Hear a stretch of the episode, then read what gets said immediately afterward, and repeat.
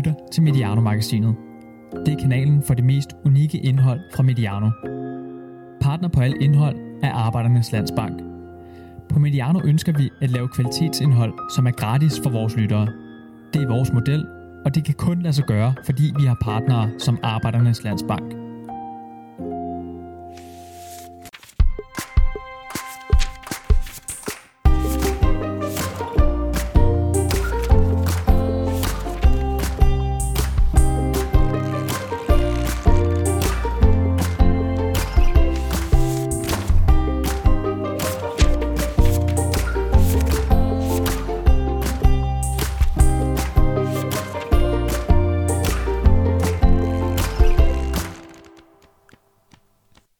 Velkommen til endnu en udgave af Bold og Bøger, vores øh, månedlige magasin om øh, ja, fodboldbøger og sportsbøger, må vi hellere sige i dag. Det kommer vi tilbage til. Mit navn er Martin Davidsen, og øh, med mig på en øh, messenger-forbindelse, der har jeg min ven Sebastian Stanbury. Hej Sebastian. Hej Martin. Ja, vi optager jo stadigvæk hver for sig. Ja, det gør vi lidt endnu. Øh, Jeg tror godt, vi kan begynde at løsne op for det, men Ja. ja. det fungerer jo egentlig okay, det her, synes jeg. Ja, det tænker jeg også. Hvordan, øh, hvordan er du kørende på snackfronten her til morgen? Ja, det har jeg faktisk overhovedet ikke fået tænkt på. Øh, så jeg, jamen, jeg har hverken vådt eller tørt. Jamen, jeg har, jeg har også et glas vand. ja, okay. Jeg synes, det føles som om, man burde sidde og drikke øh, champagne og spise jordbær eller sådan et eller andet, men Ja, ja fordi øh, vi, øh, vi skal tale om noget andet end fodboldbøger i dag, men vi kommer også til at strege fodbold. Så, øh, det gør vi helt sikkert. Og, og selvom det ikke er en rendykket fodboldudsendelse, så kan vi vel godt garantere, at øh, i hvert fald håbe på, at det bliver ganske værd at lytte til. Det tror jeg. Inden vi fortæller mere om det, så kan vi lige sige, at Arbejdernes Landsbank er øh, partner på Mediano-magasinet, hvor vi udkommer, og det er vi rigtig glade for, for det er en af årsagerne til, at vi kan udkomme her på Mediano, så tak til Arbejdernes Landsbank for det. Øhm, Sebastian, øh, skal, vi, skal vi kaste os direkte ud i præsentationen af temaet, eller skal vi bare tage siden sidst? Skal vi ikke tage siden sidst? Er det ikke sådan, vi plejer at gøre det? Jo. At vi lige starter med at, at, at, at komme det formelle igennem, og så kan vi ligesom gå all in på temaet. Ja, og vi kan jo, vi kan jo sige, det er jo... Øh, jeg får læst en hel masse nu. Det er jo blevet forår, og, og, øh, og vejret er godt, og det er jo bare et godt tidspunkt at læse bøger på. Det, det er det. Det er, det er virkelig tage et tæppe, gå over i parken, og så ligge to timer og, og læse en bog, ikke? Hver. Ja, præcis. Det, det, det er helt perfekt. Hvad har du fået læst øh, siden sidst? Jeg har faktisk en, der overhalede indenom i går, Okay. som, øh, som ankom med posten, og som jeg så hamrede igennem, øh, som jeg synes var sjov at, at tage op i den her sammenhæng. Stærkt. Øh, The Other Side of Football, som er en bog, jeg fik ind. Og det er en billedbog, som er lavet i Canon, af Canon i samarbejde med Røde Kors. Og den er udkommet i 2005. Og øh, konceptet for bogen er, at sådan cirka 100 topspillere og dommere har fået et Canon-kamera, og så skal de tage et billede, der viser den anden side af, både, øh, den anden side af fodbolden, altså den deres side af fodbolden. Og jeg kan huske, jeg, er, er det en bog, der siger, der er noget, er du stødt på den nogensinde? Nej, øh, ikke lige den der. Altså, der er jo fotobøger, også nogle velgørenhedsfotobøger, men ikke lige den der. Det er en bog, jeg læste om, vist nok i Goal, muligvis Ja. tipsbladet, Okay. da den udkom i sådan 2015. Jeg kan ikke helt få det til at passe med, at jeg havde, eller 2005, undskyld. Jeg kan ikke helt få det til at passe med, at jeg havde abonnement på, øh, på Goal dengang, men øh, det har jeg sådan åbenbart haft. Og, øh, den, og jeg kan huske, at jeg læste en omtale af det, hvor man så sådan udvalgte billeder, og der var nogle ret fede billeder. Det var sådan øh, Kasper Bøgelund i bare overkrop til en R.E.M.-koncert på Midtfyns Festival. Fedt. Øh, Den var jeg også til. Han, hvad, hvad siger du? Den, den øh, koncert var jeg også til. Nå, sjovt. Så du, kan du huske Kasper Bøgelund stå bare og fyre af i, i bare kasse? Det kan jeg desværre ikke huske. Uh, Thierry, han havde valgt et billede af en gepard. Ja. Uh, Lauren, gammel Arsenal-bak, havde valgt et billede af hans og Ashley Coles øh, trøjer side om side i Arsenals omklædningsrum, sådan for at symbolisere det bakfællesskab, der var mellem de to. Og så viste det sig, at så fik vi at vide på den der tekst, der var i goal, øh, at Ashley Cole havde valgt det samme billede, og der var sådan en sjov synergi i det, og der var sådan et kortspil i PSV spillerbus, så det virkede sådan virkelig som en bog, hvor man sådan fik et indblik i det her øh, fodboldspillernes verden og behind the scenes, og, øh, og at der var lagt noget energi og tanke over det. Og jeg kan huske, at jeg ikke fik den købt dengang, og det ærede mig egentlig lidt, og så er jeg lidt efter, efter en par gange, og så kom jeg til at tænke på den her lige i slutningen af marts, øh, og googlede den og fandt den på Amazon, 10,95 pund og købte den, og den kom så i går, øh, og så var det lidt noget andet, jeg forventede mig at indrømme. Nå, okay. Øh, kan du huske, da du og jeg går på første semester på Journalisthøjskolen, helt tilbage i 2008, øh, før vi sådan rigtig lærer hinanden ja. At kende dig og mig, men der har vi sådan en fotoøvelse, Ja, det er rigtigt. hvor vi, hvor vi skal øh, tage billeder af folk i arbejde. Yes, det er Og rigtigt. det var jo ikke, fordi vi skulle uddanne som fotografer, men vi skulle ligesom lære øh, fotoets værdi, ikke? og hvad, hvad det kunne. Ja, præcis. Og jeg kan huske, at vi havde den her opgave hen over påske, og jeg kan huske, at jeg selv tog et kamera med til en VB-kamp, og så tog jeg et billede af Jimmy Klitland, der spillede i en reserveholdskamp på stadion over ved siden af. Og det var sådan, det var bare sådan, når jeg skulle til den der VB-kamp alligevel, så kunne jeg lige så godt tage et billede af nogle fodboldspillere, der var på arbejde der. Ja, det var, Og det var sådan, ret- det, og, det var sådan ret doven, og jeg husker, at alle de der billeder... det var sådan, de fleste greb det an, at øh, jeg skal alligevel lige noget, så kan jeg lige... Præcis. Jeg mente særligt en, øh, en, en, der gik på mit hold, som øh, havde taget et billede af en pizzamand. og det var sådan mørkt og rystet, og det var helt tydeligvis taget klokken 3 om natten, hvor han var på vej hjem fra en bytur. Ikke? Stærkt. og det er desværre sådan lidt det samme indtryk, øh, jeg får af den her bog. Øh, hvor det er sådan meget, meget, meget varierende med pil nedad, hvordan, øh, hvordan de her fodboldspillere har, Nå, hvor meget okay. energi de har lagt i opgaven. Ja, Altså, Zlatan, han har taget et billede af en, sådan en plads, en slotsplads, eller sådan et eller andet, der er gravet op, og billedteksten er bare Torino. og Bernd Schneider har taget, nogle, taget et billede af nogle tomme solstole på en strand på Gran Canaria, og det er altså fuldstændig uinteressant. okay. det Øh, er meget random. Ja, og så er det meget sådan, de oplagte, ikke? Altså, så er der billeder af støvler, og her, det er mit arbejde, det er mit værktøj, og det skal jeg bruge, og mm. øh, billeder af børn, og sådan, det er min største fan, så det er dem, jeg arbejder for hver dag, og sådan noget, ikke? Og det, ja. Det, det er bare sådan lidt banalt og uoriginalt, ikke? Og så Ja. er der sådan, sådan en som Timmy Simmons, han har taget, gammel belgisk spiller, mm. øh, har taget et billede af en gylden støvle, der står på noget græs, og det er sådan gråvejr, og billedet er sløret, og kameraet har fokuseret på græsset i stedet for støvlen. Og sådan. Altså, det er jo den anden del af det. det. Det er jo selvfølgelig nogle helt elendige billeder, rent teknisk, de har taget, de fleste af dem. Ja, det, Øh, der er også nogle sjove nogen. Øh, Pirlo, Pirlo og Nesta, der spiser middag sådan ved siden af en hotelbuffet. ja, okay. Øh, det, det, det, det kan bare noget. Øh, Pirlo, han sidder derinde, han, han har kort hår, og øh, ikke noget skæg, og han sidder i sådan en gul trøje, sådan en skriggul trøje, og drikker en Pepsi. Okay, det er meget ikke Pirlo-agtigt. øh. Det er meget ikke Pirlo. Det, hvad der til gengæld er meget on-brand, synes jeg, det er Kim, Nielsen, øh, Kim, Kim Milton Nielsen. Der er kæmpe der, der er nemlig også dommer med. Øh, kæmpe nærbillede af ham. Han er i gang med at bælle et glas rødvin. Og så, så billedteksten. A glass of red wine after playing minigolf. Stærkt. Ja, og, og Totti har taget sådan billeder af flaget på halv ude på Romas træningsanlæg, fordi paven er død. Så der er altså... Så øh, jeg synes ikke, det er, nogen, sådan, det er ikke nogen god bog, og det er ikke nogen særlig gennemført bog, men jeg er sådan glad for, at jeg har den. Jeg har vel have den i halvandet årti, og øh, det er et sjovt tidsbillede. Så Ja, det, jeg kan, jeg, det er ikke sådan en, jeg vil anbefale folk at gå ud og det, finde, er, og det er var også, den er før, ikke før, før finde. Instagram, ikke også? Det er, jo, det, er jo lidt, det, det er jo lidt det samme, det du fortæller der, som nogle af, billeder, nogle af de spillere, der, der ikke lige har media advisors, de også lægger op på sociale Jo, medier, helt synes sikkert. Helt sikkert. Øh, bare i dårligere kvalitet, fordi det her er Ja, taget på sådan nogle ja. 2005 digitalkameraer, ikke? Ja. med nogle af billederne er lidt rystede, og billederne, der er taget ned i sådan en spillertunnel om det. aftenen, har det der mærkelige lys, som blitzen, der ikke kan, overhovedet ikke kan lyse en helt spillertunnel op og sådan noget. Altså, det- Ja, fordi hvad jeg, hvad jeg ikke har set af Niklas Helenius, øh, der har lagt billeder op af to hotdogs, eller nogle køer, eller et eller andet inde på Instagram, det, det, er, det er også lidt skørt at følge med en gang imellem. Så jeg kan godt forestille mig det der. Det er bare, bare med dårligere billedkvalitet. Så. ja. Men, Men altså, også et unikum, det, altså et unikum på en eller anden måde. Præcis, og det er jo sådan en, altså det er jo det her, det her er jo, øh, det er jo den del af, af podcasten, hvor jeg fortæller om en sjov bog, jeg har i min samling, og som jeg er glad for, at jeg har i min mm, samling. præcis. Men hvor det bestemt ikke er en anbefaling til, at de egentlig skal bruge timer på at finde ud på nettet, fordi det er den ikke værd. Men den er, jeg er glad for, at jeg har den. Jeg har tænkt på den som sagt i, i 15 år, jeg vil have den her. Nu har jeg fået den. Fedt. Jamen, Du øhm, siger, du får læst meget for tiden. Jamen, jeg, det er jo sådan, der, der er jo ikke så meget fodbold i fjernsynet. Øh, Så, øh, så der er nogle, nogle led, ledige, ledige aftenstunder og, og så noget. Øh, nu, nu er mine børn også øh, begyndt at kunne få lov at komme i institution igen. Øh, ikke at jeg sætter dem derover for så at læse, men, øh, men så skal jeg ikke bruge aftenerne på at arbejde.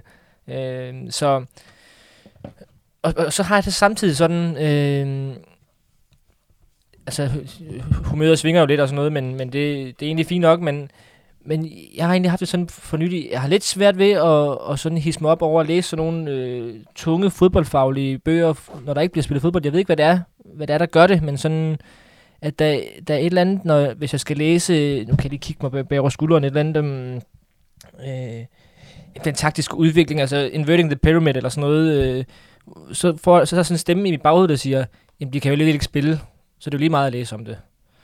Øh, så, så det er sådan lidt mærkelig mental forstyrrelse, jeg har i min, i min læsning. Det er det der, øh, at der ikke bliver spillet fodbold. Det, det, det spørger sådan i baghovedet, og der, derfor er det også sådan svært at samle sig om, om noget nutidig øh, fodboldlæsning, synes jeg.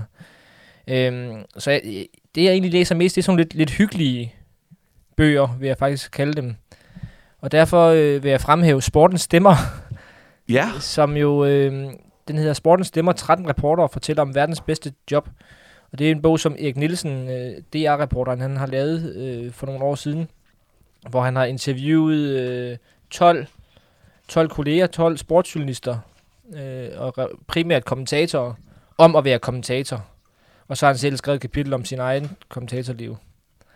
Øh, og den ting, den, den kunne være meget sjov lige at, at tage med her. Øh, fordi det er sådan en, det er virkelig en hyggebog, øh, som øh, måske netop passer sig til at øh, til en weekend, hvor man øh, bare skal ligge med benene oppe og ikke øh, og ikke rigtig øh, spekulere på verdenssituationen eller noget som helst. Fordi det, det er bare, øh, nu skal jeg lige se her, 100, nej, 275 siders anekdoter, mm. mere eller mindre, og røverhistorier og, og, og alt muligt. Øh, jeg kan lige hurtigt øh, ramse op her, hvem han har talt med, Erik Nielsen.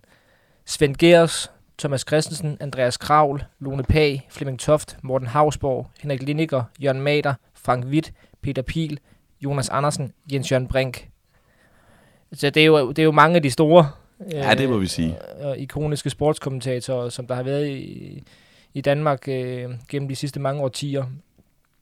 Og det, og det er jo bare sjov læsning, og, og, og, og høre røverhistorier. Om, nogle af dem har man jo hørt før med Svend Gers og de der små, små stiger, der var på de engelske stadioner, og- om at se Wolverhampton i dårligt vejr og alt sådan noget. Ja, hvor Øh, man var nødt til at holde sig, fordi der var ikke den stigen blev fjernet, når Ja, kampen præcis. skulle i gang og sådan nogle ting der, ikke? Ja. Så man kunne ikke komme ned og tisse.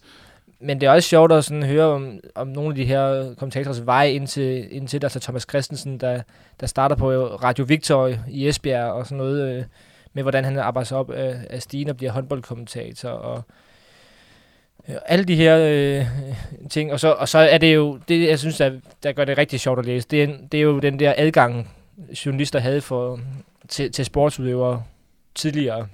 Mm. Nu har jeg jo lige skrevet en artikel i Tipsbladet om at komme i omklædningsrummet. Øh, om at journalister engang kunne øh, komme i omklædningsrummet i, efter fodboldkampe og sådan noget. Som et billede på den her sportsverden, der jo er blevet mere og mere øh, øh, lukket og, prof- og professionaliseret. Øh, Mm.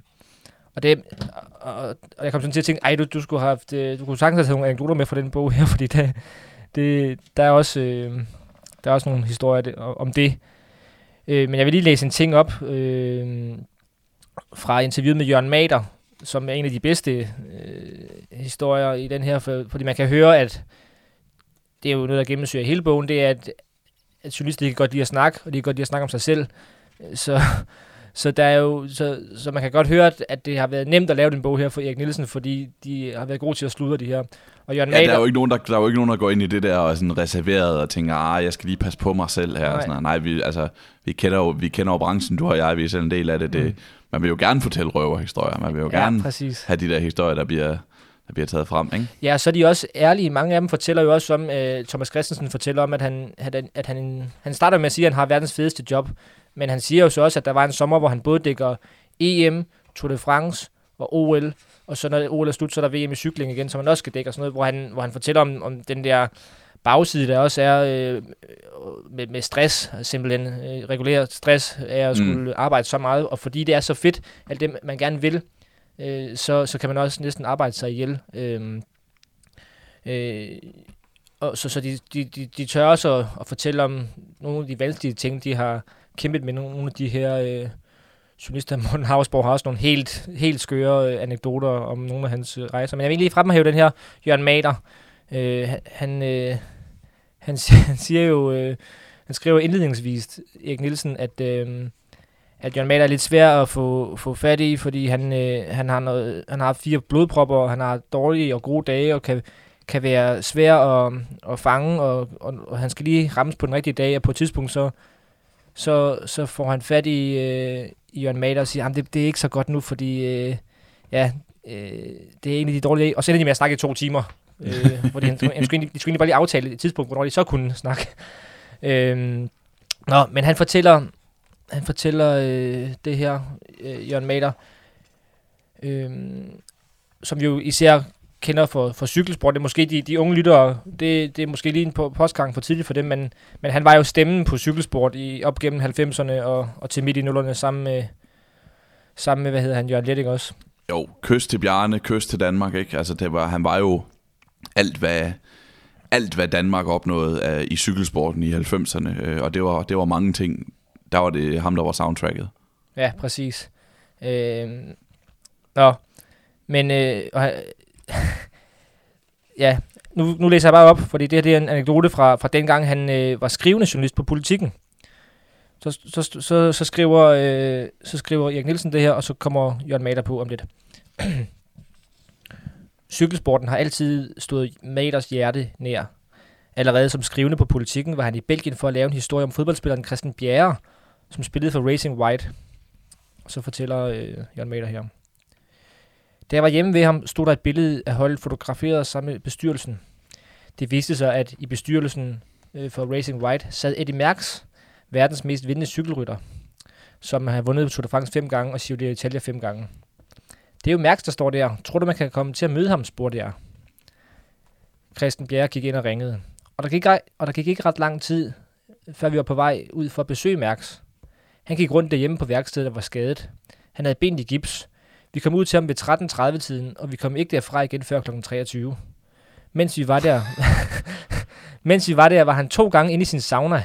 Der lagde han sit gipsben op i en bøjle, og så trådte han et af cykel med et andet ben. Han trænede hårdt, selvom han var skadet, og ikke kunne køre cykel øh, i lang tid. Men øh, en ting er det der med, at Eddie Mærks han, øh, går ind i sin sauna to gange og, og cykler med et ben, for at holde sig ved, øh, formen ved lige på en eller anden måde. Noget andet er det der med, at han, han er til synligheden hjemme ved, øh, ved Christian Bjerre. Jeg antager det om formiddagen. Får øje på et billede, og så ender han hjemme ved Eddie Merckx, og er der frem til kl. 11 om aftenen. Mm. Og, og hvis vi skal stole på, at det her er sandt, jeg vil sige, at der er nogle af de anekdoter i den bog her helt generelt, hvor man tænker, der er lige smurt lidt på.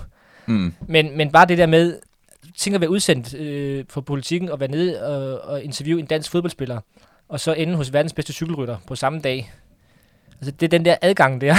ja, der, der var slet ikke de der afgrænsede linjer, vel, altså, som, som der er i dag. Øh, det, det, det, det, det, er meget fascinerende, at vi, det, det her er et spor, vi kunne køre ud af i, i en evighed, og det skal vi ikke gøre, for vi har nogle andre ting, vi også kan mm. nå, men det, det er vildt det der med, som siger, at for, for det første, at han bare sådan, i dag er det jo relativt svært at forestille sig, at man bare sådan er på besøg i en, en, ja, hos en, en fodboldspiller. fodboldspiller. Det er altså, altid ude i klubben, ikke også? Ja. ja, præcis, og de sidder i, i badetøfler og, og, og, og klubshorts, og her er han bare hjemme ved ham, mm. og så kan, du, kan vi lige få fat i mærke det kan vi godt, og så kører de sammen derude også, og sådan noget. Jeg forestiller mig, at det er Christian Bjerre, der giver et lift, og, altså, det, det, det skal ikke lyde som om, at alting var bedre i gamle dage, fordi det er ikke det, der er tilfældet, og det er ikke det, der er formålet formål med, men det er bare vildt, hvor anderledes det var. Øh, og at man, man, havde den der, man havde den der adgang. Det, det er fascinerende, fordi Eddie Mærks er jo den største. Ja.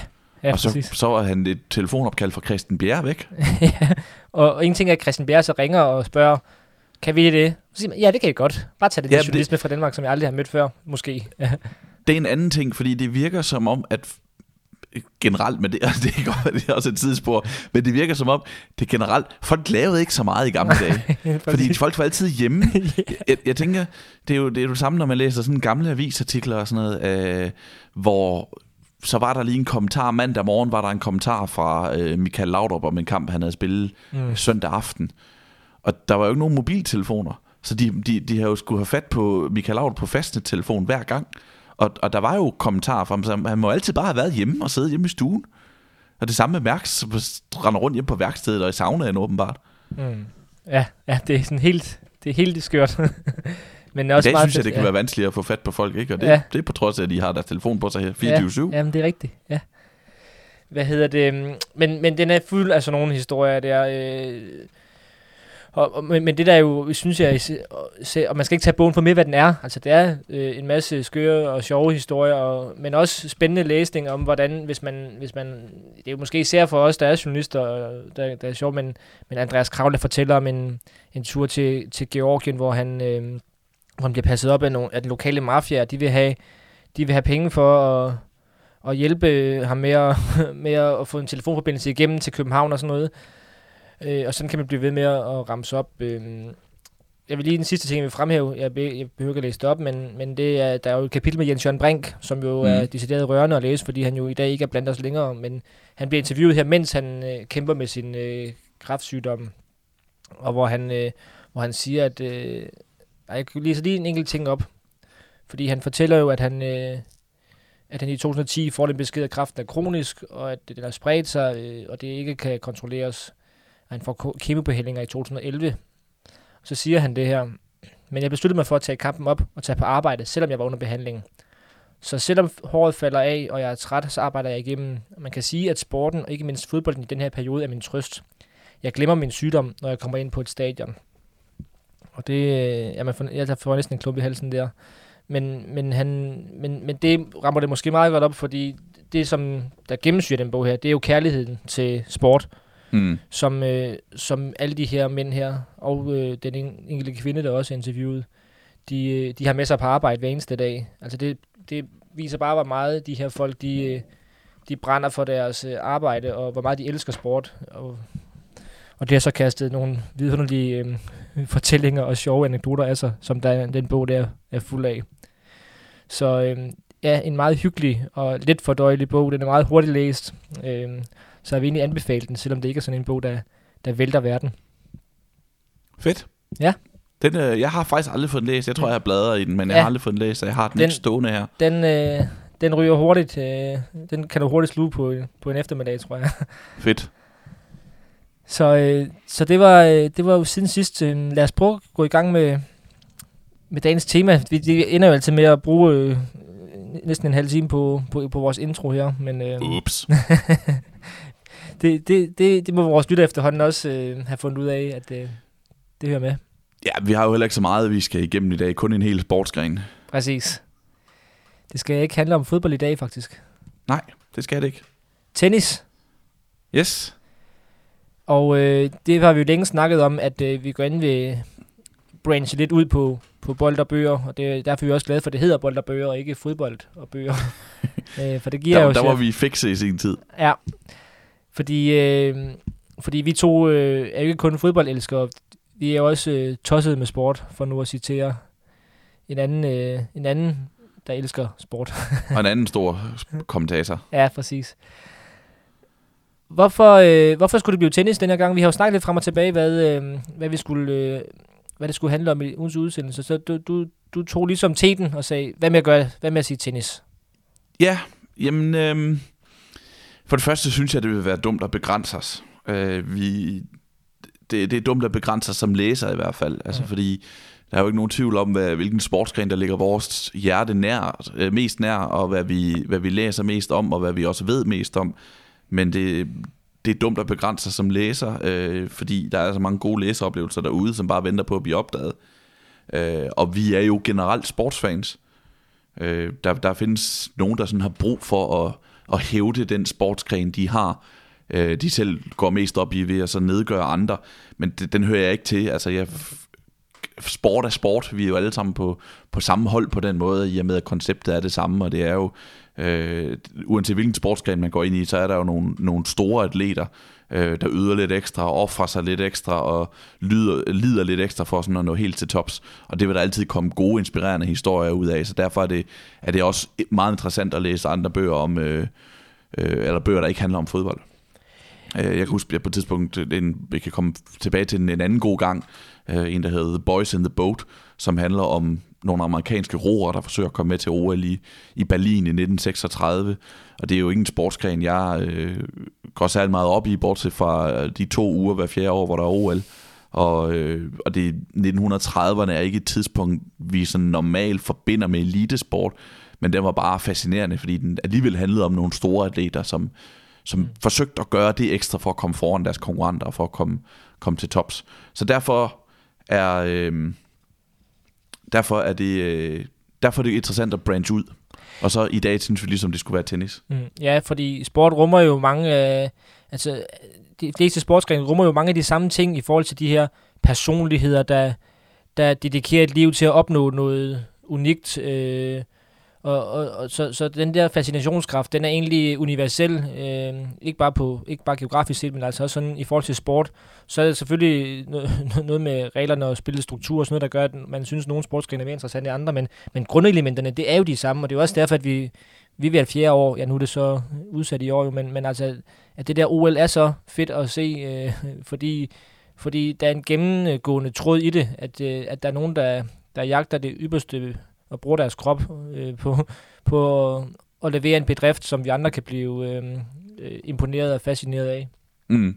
Og, og så specifikt med det med, med læsning, som vi snakker om.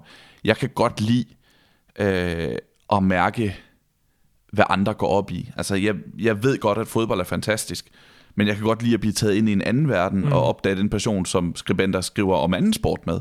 Altså, jeg bliver begejstret, når jeg opdager, at andre sportsgrene øh, Øh, begejstrer nogen lige så meget, som, som fodbold begejstrer meget, og er lige så vigtige for dem, som fodbold er vigtig for mig. Ikke? Og det synes jeg tit, man opdager, det der med at tænke sådan, wow, kan man, kan man tale og, og skrive om den her sport på den her måde? Man møder de der mennesker, der går, der går så meget op i det, øh, og det gør man jo ofte med skribenterne og, så, og de emner, de skriver om. Ikke? Ja, så tennis, øh, det er jo... Øh det, det er jo også en speciel sportsgren, som egentlig på mange måder er, er meget fjern fra fodbold. Øh, nu behøver vi ikke at, at blive mere sammenlignet med fodbold. Men, øh, men tennis er der lavet nogle rigtig, rigtig gode øh, bøger omkring. Øh, og så er det bare en, øh, en sportsgren, som, øh, som vi... Ja, det er vel ikke forkert at sige, at vi begge to er ret øh, fascineret af den øh, sport. Øh, jeg er i hvert fald. Jamen det, det er også, altså... Det er ikke en, jeg dyrker, øh, hverken som med at spille eller med at, øh, med at se på særlig meget, men, men det er en, som jeg altid har haft et godt øje til. Altså det er jo den, det er jo sådan basalt set, at det er en meget smuk sport, synes jeg. Ja, præcis. Øh, det er en smuk sport at se på. Der er rene bevægelser, der er flotte detaljer. Øh, så den kan meget sådan rent visuelt. Mm. Bare at, øh, når, man, når man ser en kamp. Hvilket egentlig er lidt utroligt, fordi de bevæger sig ikke. Altså, de, de står det samme på den samme bane, og man kan se en hel bane på, på et øh, vinkel af, ja, ja. af, af tv'et, hvis det er det, man vil. Ikke? Altså, det, man behøver kun et kamera til at filme hele, hele kampen. Ja. Øh, og så er jeg fascineret af slid i det. Ja. Øh, det, det tænker jeg tit, det der med, at man orker at gå efter så mange bolde. Altså i første runde, første sæt, stillingen er 3-2, der står 15-15, og så kan der alligevel være sådan et langt, langt, langt duel om at vinde lige præcis det point. Ja. Øh, og spiller kaster sig rundt og sådan noget. Jeg læste en opgørelse i går, at man cirka slår til bolden.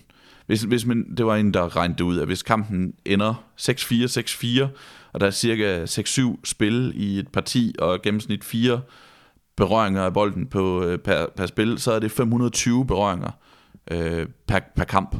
Altså 520 gange, man slår til bolden på en kamp, ikke? Ja. Så når man er sådan i den her første runde kamp, så er man jo tusinder af slag fra at vinde en turnering. Ja. Øh, nogle gange med tusinder af slag fra at vinde en kamp, ikke? Og alligevel så går man all in på lige præcis det næste slag. Øh, og det, det fascinerer mig, at man kan, at man kan finde den der vilje til at ja. gøre sit absolut bedste i det her sekund, velvidende, at jeg skal gøre det samme i sekundet lige bagefter. Ja, præcis. Jamen det er det, den, den, er jo, den, er den er jo simpel og kompleks på samme tid, den sportsgren her, fordi som du siger, så, så er der noget, noget skørt i, at der bare stod to, øh, to personer og, og tæver til en bold. Øh, altså det er jo sådan lidt monotont i virkeligheden. Men så, samtidig så er det, så er det meget øh, komplekst også, fordi der er så mange detaljer i spillet, og så mange forskellige slag, og altså hele den der stillingskrig, der kan være, at altså, jeg synes jo, det en fodboldkamp, den ved vi, den tager 90 minutter, men en tenniskamp, den kan jo, øh, den kan jo strække sig over flere dage, fordi, fordi at, øh, at så bliver det mørkt og sådan noget. Det, det har vi jo hørt om de her øh, maratonkampe her, ikke også? Øh, Mm. øh, det, så det synes jeg også er, altså det der med, at jeg elsker, når der står 40-40 i en kamp, fordi så, øh, så, så kan man komme ud i de der, i de der maratonpartier, hvor, hvor de begge to skifter til at have fordel, og de bare ikke vil give sig, som du selv siger, at øh, altså, hvor, hvor, hvor man, hvor man jamen, det er jo også det, det mentale i spillet, at man kan, det må være så fristende at sige, ej, den, nu foran den sgu, fordi nu skal, vi, nu, skal vi, nu skal vi lige ud og, og have en tår vand, havde han her sagt. Øhm, så der er nemlig noget opsliden i det, som du siger. Og jeg synes hele den der mentale, det kommer vi nok også tilbage til i forhold til de bøger, vi skal snakke om, men det der med, at de er alene på banen, altså jeg synes bare, at de individuelle sportsgrene i det hele taget, de kan noget særligt. Der er noget fantastisk ved holdesport med, at det, man spiller for, for hele nationen, og de er, og de er sammen om, om et fælles mål og sådan noget. Men det her med de individuelle, det, det kan altså også noget, synes jeg. Det må være et enormt pres. Det må være alene på banen, og det er kun op til ham, der står med catcheren selv. Hvorimod Ja. man, tæ- man tænker nogle gange, øh, at, øh, at venstre bakken, han kan godt, øh, han kan godt spille en dårlig kamp, og så, så vinder holdet alligevel. Øh, det er svært i tennis at have en dårlig dag, og så vinde alligevel. Det, det burde være umuligt, Mm. og samtidig så er der også det der element med, at du nemlig, man er nemlig alene, og man er alene i endnu højere grad end i mange andre sportsgrene, fordi der heller ikke sidder en træner ude på sidelinjen, Ja, øh, som der gør i nogle af de andre individuelle sportsgrene, og man kan også godt være i, i et udbrud som cykelrytter, hvor man kører to timer alene, Mm. men så har du ofte en, en sportschef i en bil bagved, der kommer op til dig og siger, kør videre, og det er sådan og sådan og sådan. Ja, Og tennis er du bare alene med dine egne tanker. ja Og samtidig er du på ingen måde alene, fordi du står og kigger direkte ned i øjnene på din modspiller. Øh, og på den måde er det jo, det er jo næsten en kampsport, og det er ikke, jeg er ikke den første, der, der laver den pointe, det er der mange, der har. Men altså, det er bare, du er bare en mod en mod din, mod din, øh, mod din, øh, mod din modstander, på en måde, som du ikke nødvendigvis er i andre individuelle sportsgrene. Altså i, i for eksempel cykling, hvor man også kører alene, øh, hvis vi ser bort fra det med, at man kører i hold, eller svømning, eller løb, eller Ja. hvad det måtte være, så ligger, ligger, man side om side, men her står man og kigger på sin konkurrent Ja. hele tiden. Ja. Øh, det, øh, det er ret brutalt, og så er det ret brutalt det der med, tænker jeg tit, at en kamp er ikke vundet, før den er vundet. Du Mm. mm. nævner det her med øh, en fodboldkamp, den varer 90 minutter, og det ved vi, og vi ved, der står, hvis der står 3-0, og der er spillet 88,5 minut, så ender den sandsynligvis 3-0. Den bliver i hvert fald, det hold, der fører 3-0, ender i hvert fald med at vinde kampen. Ikke? Men i tennis kan en kamp jo stå 6-0, 5-0, øh, og så øh, 40-0 øh, i, i, i det parti der, ikke? og så har man ikke vundet endnu. I teknisk set, så kan den anden gå i gang med et vanvittigt comeback, og så vinde kampen. Ikke? Ja, det er det. Ja. Så det, men det, det, det, man vender hele tiden tilbage til det der med, at man skal være på hele tiden. Præcis. Og som du var inde på lige før, så det er bare din sidste pointe omkring det der med at se sporten. Altså, den, den, det er jo en kombination af elegance øh, og så raw power. Altså det der med, de tyrer jo virkelig, men man skal virkelig også øh, besidde en god teknik for at, at, at spille godt tennis. Altså, man kan netop ikke bare tyre til bolden, fordi man, det kræver, at man holder ordentligt på catcheren, og man, man har den rette teknik. Altså bare sådan en sav, den der sav der, det synes jeg bare er så fascinerende at se på. Øh, Så meget den bevægelse, de laver, og, og det kræver, når man også har spillet til, så ved man, hvor, hvor svært det er at lave en god sav. Øhm, så så det, det er det med, at de, de kombinerer det elegante udtryk, særligt personificeret i, i selvfølgelig øh, Roger Federer, ikke også? Men, mm. Men også den der enorme power, de står jo fandme over. Det er jo, de der server kommer med 200 km i timen. Ja. Øh, så, så alene det, at det også er svært, det synes jeg også gør, at det, at det er fascinerende at følge med i. Og så vil jeg sige den sidste ting øh, omkring det her med at se den, se sport. Jeg se, øh, se tennis. Altså især da jeg var barn, der var jeg fuldstændig opslugt i den der verdensrangliste, og, og fulgte turen, ATP-turen meget tæt, og så mange kampe øh, i fjernsyn og sådan noget. Havde mine favoritter, Kafelnikov og Agassi og Thomas Muster, og alle de der, der var store i 90'erne. Og så, så vil jeg så sige, at de, de senere år er det jo, er det jo meget Nadal og Federer og Djokovic, man, man gerne vil se, og især Roger Federer, han er jo sådan en helt øh, mytisk status i, øh, ja, i hele sportshistorien, og det er bare fedt, at vi får lov at opleve ham. Ja, han er jo en af de største. Ikke? Og det er de jo faktisk alle sammen, de der, Mm. de der, der har domineret igennem. Ja. Nadal er- og, ja. Ja, og Djokovic, og til en vis grad måske også Andy Murray. Ikke? Ja, jo. Øhm, Så det ja, bliver spændende at se, hvordan det kommer til at gå, når de er væk ja, fra ja det er rigtigt. tennissporten. Øhm, så ja, det, det er bare en, en, en meget interessant sportsgren, og så rummer den mange øh, fascinerende, personligheder, som vi også kommer til at tale om, øh, når vi skal tale om bøgerne her. Er det nemlig det, der er mange store stjerner i den, Ja. øh, som, og der har været det gennem årene. Ikke? Og, og så er det jo en af de, de, øh, de sportsgrene, hvor kvinderne har haft en- næsten lige så store stjerner, hvis ikke større stjerner, end, mm. øh, end mændene har. Ja, Det, er- det, øh, jeg, jeg kender mange sportsglade fædre, som har sagt, øh, når de har fået en, en datter, at øh, hun skal spille tennis i den her. ja. det, det, er der, det er der pengene er. ja præcis. Jamen, det er rigtigt. Sådan øh, fædre, der allerede har, øh, har store planer for deres seks måneder gamle datter. Ikke? Altså, yes. så, øh, så siger de sådan lidt jokende, at øh, hun skal ikke spille fodbold, hun skal spille tennis. Det er der, det er der, øh, det er der pengene er. Ikke? Og, det, ja. og det, det, er jo, det, er jo, det er jo en joke, ikke? men det er jo interessant, at uden at den er perfekt på det område, så er det dog en af de sportsgrene, som har været bedst til at få kvinderne frem i lyset. Mm. Øh, Ja. Så de også spiller en rolle. Ikke? Og det, det er jo bare at tænke på, hvor enorm en stjerne Serena er. Ja, helt vildt. Ja, og Karoline herhjemme. Jeg Præcis, Også ja. herhjemme, ikke også? Så jo. Øhm, jeg har også, øh, jeg har også sådan øh, gennem årene set meget live tennis i virkeligheden. Øh, og hvilket jeg virkelig også kan anbefale, når der engang bliver åbnet op for det. Øh, da jeg var dreng, har jeg meget klare minder omkring øh, at bruge vinterferierne på at tage en dag til København sammen med min far og se Copenhagen Open, dengang det blev spillet i KB-hallen. Øh, og det var jo, Copenhagen Open var jo ikke sådan en, det var jo ikke en, langt fra en Grand Slam, det var en af de lidt mindre turneringer på, på ATP-turen, men der var alligevel sådan en gang imellem, så var der en top 10 spiller med, og jeg kan huske Tim Henman har set det over. Og så var det jo de år der, hvor Kenneth Carlsen bare var, øh, var navnet i dansk tennis, øh, og også, altså han var et stort navn også bare i dansk sport. Øh, og var ligesom var det, det, håbet hver gang, det var bare fedt at skulle over og se ham, og virkelig holde med ham i sådan fyldt KB-hallen. Øh, det er jo svært at forestille sig i dag, at man kunne fylde KB-hallen med, med, en, med en herretenniskamp, ikke også? En kamp, hvor, mm. Mm. hvor det ikke var med Wozniacki. Men det, det kunne man bare i de år der. Man kunne gøre det næsten, øh, næsten en hel uge i træk, i hvert fald så længe Carlsen var med, og, og hvis der var et halvstort navn. Det var, jeg havde altid min autografbog med, og kunne møde de der spillere på gangene, når man gik rundt og sådan noget. Det, det var bare øh, en kæmpe stor oplevelse for mig som dreng at, at skulle over og se, øh, se international topsport i Danmark. Altså det var jo også, det, det svarer jo til, til, til, øh, til en uge med, med Europa League eller sådan noget i, på, på dansk grund. Øh, Ha- Havde du en af de der kæmpe store tennisbolde? ej, som man kan få ja. Ja, det var nemlig flere, der havde, og jeg var også misundelig på dem, men, øh, men jeg har altid haft min, øh, min af, af urensagelige årsager lyserøde øh, autografbog, som fulgte mig i, i tygt og tundt øh, det i 90'erne. Ja, fordi jeg husker jo særligt fra, fra, øh, fra Wimbledon, de Ja. der store tennisbolde, som, som fyldte en hel favn, som de stod og, og fik Ja. autografer på, som jeg altid tænkte, det, dem ville man gerne have, bare sådan til at få autografer på, og til at rende og, og drible Mm. med i næste uge og sådan nogle ting. Der. Det, Ja. det skulle nok blive populært hjemme hos mor og far, men rende og drible med sådan en kæmpe tennisbold. Ja, præcis.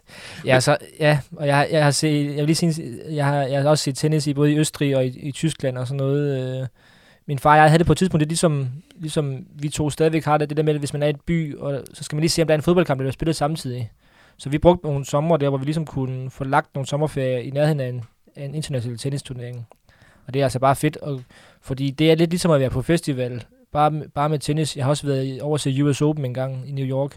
Det er bare fedt at gå rundt, og så er der øh, især US Open Grand Slam der, så er der jo 10-15 kampe i gang på samme tid. Og så kan man bare gå rundt og sådan shoppe tenniskampe, samtidig Mm. med, at der er jo fyldt med madboder og merchandise og alt sådan noget der. Mm. Så det er bare sådan helt... Det er jo lige os. Ja, præcis. Det, det er en af mine helt store sportsminder, det er den der, øh, den der dag, jeg tilbragte med US Open. Hvad, øh, for mig har tennis jo ofte været noget, jeg har set på tv, og det er samme særligt Wimbledon. Jeg har ligesom, mine, mine minder knytter sig til. Mm. Mm. Øh, det var jo sådan en fast sommerritual i mange år, dengang man havde længere sommerferie, som man brugte på ingenting, fordi man gik i skole, ikke? Ja. Jeg sad jo timevis foran tv, og bare så, hvilke kampe, der nu blev sendt på, på TV2, eller på, på TV3 Sport, eller hvor kampen nu blev sendt, ikke? Mm. Øh, så, det er meget noget, jeg forbinder med startnullerne, med Sampras og Goran Ivanisevic, og Ja. Tim Henman, og tilskuerne sad ude på Henman Hill, Det og, er rigtigt. og jeg har det stadigvæk sådan, at for mig er det en, er det en drøm en dag at komme til Wimbledon, ikke? Ja. Og så sidde på anlægget, og så spise jordbær og drikke champagne og sådan nogle ting, og det... Ja, vi havde nogle venner, der engang tog til øh, derovre, og de sendte et postkort hjem. Det var dengang der i 90'erne, hvor de skrev, at de havde købt, øh, de havde købt en bakke jordbær med syv, syv jordbær for 50 kroner eller sådan noget. Det, Det, det, af en eller anden grund kommer det ikke bag på mig, Nej. det er vanvittigt fucking dyrt. det, Ja. men, der, men der er mange store minder, der knytter sig til at se tennis også, ikke? Mm. Og de der, de der store finaler, øh, Federer Nadal-finalerne, der kom på et tidspunkt, ikke? Og jeg kan Præcis. huske, da der, da der, der comeback-kamp var det sådan lidt for Federer, der, der Ja, Australian Open-finalen mod Nadal ja. i 2017, kan jeg huske, jeg stod tidligt op en søndag morgen, jeg stod ikke op, jeg lå i min seng og så Mm. den. Øh, Ja. det, er også, der, det kan noget det der med at se sport ind i sin seng, ikke? under en dyne, og så bare tænde computer eller et eller andet. Ikke? Ja. Og så nogle andre sådan flygtige minder, der træder frem af Andy Murray, og den der, den der kamp, som britterne i mange år havde for at få en vinder. Ikke? Og jeg kan huske, mm. da han tabte finalen i Wimbledon i 2012 til, til Federer, og, og det var hans store drøm at vinde den der. Det var britternes store drøm, at han skulle vinde, og så gik der en måned, og så vandt han OL-guld på samme anlæg. Mm. Og så vandt han øh, Wimbledon. Eller ja, Wimbledon året efter i 2013. Ja, Og så en random en at hive frem for minderne, det er, du nævnte de der maratonkampe, ikke? Mahut Isner i Ja, 2010, præcis. Ja, øh, som jo er den længste tenniskamp i verden, og jeg kan huske, at det var, det var 2010, der var VM, og der var Australien, Serbien og Ghana, Tyskland den aften, men jeg holdt mig over på, på tenniskampen for at se de her to spillere, som bare var slidt ned. Det var jo den her kamp, som endte i alt med at vare 11 timer og 5 minutter.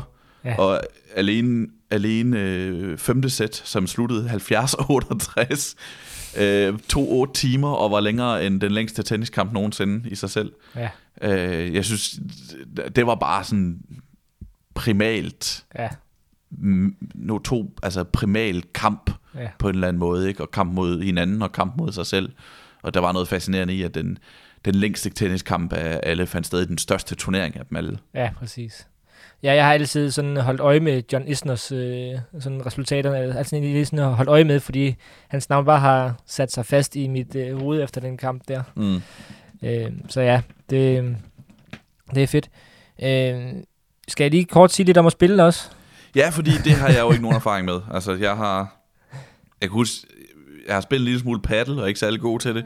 Og ellers, så- altså, tennis er noget, jeg forbinder med folkeskolen, hvor man tænker, det er jeg faktisk skide god til det her, ikke? Og så spiller man på sådan en grusbane, og så nu tænker man, nu er den der, ikke? Og så slår man en sav, som ryger op over hegnet, og så ud Mm. på Nygårdsvej ude bag skolen. så, så jeg er ikke særlig god til, men du er jo en okay tennisspiller. Jo, altså jo, det er rigtigt. Jeg har jo jeg har spillet det i mange år, og... Øh, Gav dig en blød sav og slå videre på dig. Ja, ja præcis. Og netop saven, det kan man hele tiden tilbage til, fordi det, det siger jo også noget om, hvor, hvor svært det er at spille tennis. Altså, hvis ikke du kan save, så kan du ikke komme i gang med, en, med, en, med at spille jo. Altså en, Mm. kamp, en kamp starter med en sav, og det er det sværeste slag af dem alle sammen, synes jeg. Øh, og synes mange, tror jeg. Øh, så, så det er et svært spil, men det, jeg synes virkelig, det er sjovt, når man kan. Øh, og det, det, det jeg, jeg, jeg, jeg har aldrig prøvet at løbe et maratonløb, men jeg, jeg, jeg synes, de her tenniskampe, hvor, jeg, hvor vi spiller, nogle gange spiller jeg nogle kampe med nogle, en ven eller, eller min far, hvor vi spiller bedst af fem sæt. Sådan en fem sæt der, det, det er sgu mit maratonløb. Øh, Mm. Fordi så, så når vi alligevel op og spille tre timer. Øh, det kan jeg nok ikke gennemføre en maraton på, men, øh, men det, det der med, det er så opslidende. Og, øh, og man glemmer sådan helt sig selv, og samtidig så er man jo fuldstændig inde i sig selv og kæmper med sig selv i, i sådan nogle kampe der. Altså det mentale, øh, hvor, man, hvor man er, det der med at være alene på banen, og, og at øh, ja, hvis jeg ikke slår den her bold over nu, hvis jeg ikke når den, så er der altså ikke andre, der gør det for mig. Mm. Jeg kan ikke bare lige give den til en anden, som jeg kan på en fodboldbane, hvis jeg ikke synes, det kører. Øh, og så sådan en forårsdag i solskin, blå himmel og rødt grø, grus der, og så med en dåse cola på, på sidelinjen, det, det, det er simpelthen bare det bedste, synes jeg. øh, og når man, kan mærke, når man har en god serie, man kan, lige så snart man rammer den, kan man mærke det, og, og, og man kan mærke, også mærke det, når det er dårligt. Altså, men det er det der med, det der med at, ramme bolden lige i røven, det, det sker måske øh, en enkelt gang, når man spiller en fodboldkamp, hvor man så scorer. Men her der kan man jo virkelig score mange gange i løbet af en kamp. Den der lykkefølelse, det giver, når man spiller den anden ud af banen, øh, det, øh, det er noget helt særligt, synes jeg. Ja, fedt. Det, fordi det er jo næsten uanset hvilken sportsgren, hvor, man, hvor der er en bold involveret, eller uanset. Mm. hvilken sportsgren, hvor der er en bold involveret. Så det der med bare at ramme den helt perfekt. Ja. Hvad enten det er fodbold eller golf, som jeg har, som jeg har spillet lidt tidligere. Ikke? Mm. Mm. Det der med, at du kan mærke, hvordan det bare siger pling i kroppen, og ja. den bare krop, krop og bold og catcher eller køle eller fod bliver bare en, en Ja. mekanisme. Men det er også det, altså, hvis vi igen, nu kan vi lige sammenligne med fodbold den sidste gang, som jo, det er det, som Dan Hammer kalder for a low scoring game. Øhm, der er tennis jo virkelig øh, et, hvor der, hvor der kan jubles mange gange. Ja, Og det er også det der med, altså, vi kender begge to det der med at spille fodbold, at det er sgu aldrig mig, der scorer målene, når jeg, når jeg er på banen. Øh, jeg har så- set dig være matchminder ude i, ude i Sabro. Ja, det var sat med en god kamp. Ja. men men den, den følelse, man får af at score et mål, den, den kan man bare få mange flere gange i tennis, fordi, øh, fordi man trods alt, øh, der er point på spil hele tiden, som du sagde i starten. At det, det, hver eneste bold, der bare er så vigtig for, at man kan vinde i sidste ende. Øhm, og, og så omvendt, så er det jo så også et, et tungt at tabe, fordi det, der er ikke mere, noget mere bittert end at tabe sådan et tiebreak der, hvor man har, hvor man har brugt en time på, og, og, og et begge spillere så har fået seks, seks partier hver, og så taber man på en anden netruller til sidst. Altså, så det er også, øh, det er også mentalt øh, opslidende øh, og fysisk opslidende spil, men, men det er den sport, jeg, jeg nyder allermest. Jeg synes, det er sjovere end at spille fodbold, faktisk. Øh, jeg ved ikke helt, hvad det er, der, hvad det er, der gør det, men øh, Jamen, det synes jeg, du har redegjort meget godt for. Ja. Det synes jeg, det, det gav mig en, en øjenåbner i for, for mm. hvad den her sport kan for mig, som øh, ikke kan andet end at save over nettet. Ja. Altså save over, og save over, save over hegnet bag, bag banen. hvad hedder det? øhm, Nu har vi talt i tre kvarter. Det er jo ikke, fordi vi sådan skal, skal at være færdige på, på et eller andet bestemt tidspunkt. Men vi har ikke talt så bare om bøger endnu. Nej, det kunne godt være, at vi skulle i gang med at tale om nogle sportsbøger. Ja. Tennisbøger i det hele taget. Ja. Skal vi ikke, skal vi ikke bare kaste os direkte ud af det? Vi har, vi har valgt øh, tre bøger hver, og så en fælles. Er Ja. der, vi er? Lige præcis. Øhm, og, og lad mig bare starte med, øhm, men med det største øh, herrenavn, vi, vi har haft sådan i nyere tid. Øh, Kenneth Carlsen. Det er jo nok. Ja. ham, som der er rigtig mange, der forbinder med, med tennis øh, på herresiden. Og, og, og inden Karolina Wozniacki kom frem, så var, så var han ligesom billedet på, på dansk tennis. Øh, også selvom, at øh, jeg ved godt, øh, at Kurt Nielsen, han, han vandt Wimbledon, eller var i Wimbledon-finale et par gange. Øh, for, To Wimbledon-finaler, Ja, ikke? for, for mange, øh, mange år siden. Ja, det var i 50'erne, og sidenhen har Frederik Løfte, Frederik Løfte vundet, vundet Wimbledon som, ja.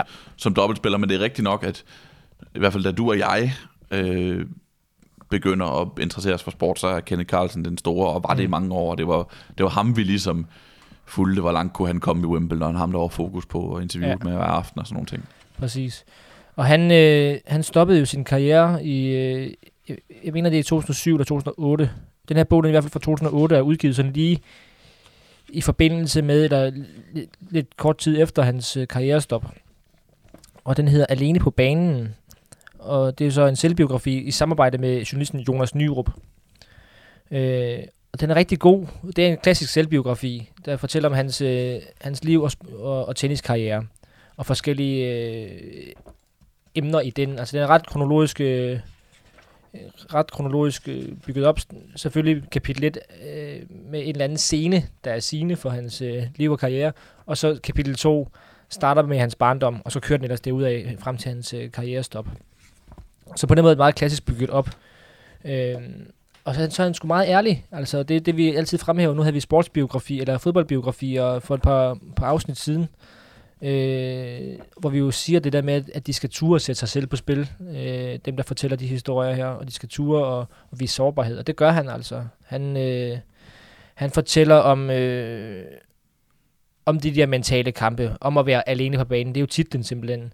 Han fortæller om at have sådan lidt OCD-lignende øh, tendenser med nærmest at drukne sig selv i, i ritualer, han skal, han skal have klaret, inden han kan gå på banen og sådan noget, og inden han kan tage en save. Jeg ved ikke, om, om du kan huske ham spille, men det var, når, han, når Kjeld Carlsen skulle save, så var det jo sådan noget med at rulle bolden i sine fingre, lige øh, røre ved sin trøje, øh, pille ved sin catcher og puste i sin hånd, og så kunne han save. Mm. Og sådan var det hver gang.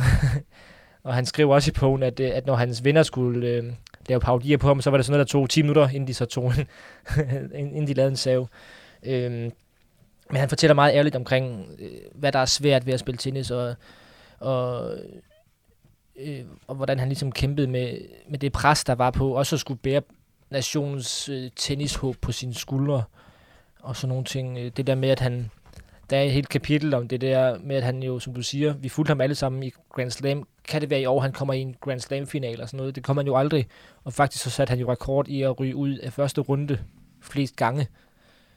og der var det her tv-indslag i, i DR Sportens Sport 2000 og et eller andet, hvor, øh, hvor, de, jo, hvor de overtalte ham til at, at lave sådan et indslag om, at han, at han aftalte med sin kone, at han kom hjem på fredag, men så kom han hjem allerede om tirsdagen, fordi så var han slået ud.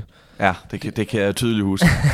det, det, var, det var ret sjovt. At der, Ja. var, der var noget selvlivende i det, der hvor Ja, han spillede op af præcis. det der image, han havde som ham, Ja, som, øh, som, som altid røg ud. Og det er jo, jeg bryder mig ikke om udtrykket typisk dansk, men nu kommer jeg til at bruge det alligevel. Det er jo lidt typisk dansk, at man, vi skulle finde en måde at nedgøre den, den største Mm. atlet, vi havde i den sportsgren. Ikke? Fordi ja han, præcis. en af pointerne med det der indslag var jo også at fortælle, at, at det var altså en mand, som havde i den her hårde verden, som, som tennis var, så havde han tjent rigtig gode penge og, og gjorde det år efter år Ja. og sled sig til, øh, til, til, til, til at have en levevej, og, og indimellem rent faktisk også vandt nogle kampe og vandt det. nogle turneringer. Ikke? Og det, det er jo sjovt nu, det er jo, har været en evig diskussion i helt, gennem hele Karoline Wozniakkis karriere, det der med, øh, der er dem, der siger, at hun er, hun, hun er overvurderet, og så er der dem, der siger, at hun ikke får anerkendelse nok. Øh, mm. altså, Mm. der er nogen, der, også det her, der hun stoppede for nylig, der ved med at sige det der med, at, at hvor flot er det, det var ikke nogen bedrift, og, og sådan noget, og det er det jo bare, og, og, og Kenneth Carlsen vil jeg også gerne sige her, at, at han har haft en forrygende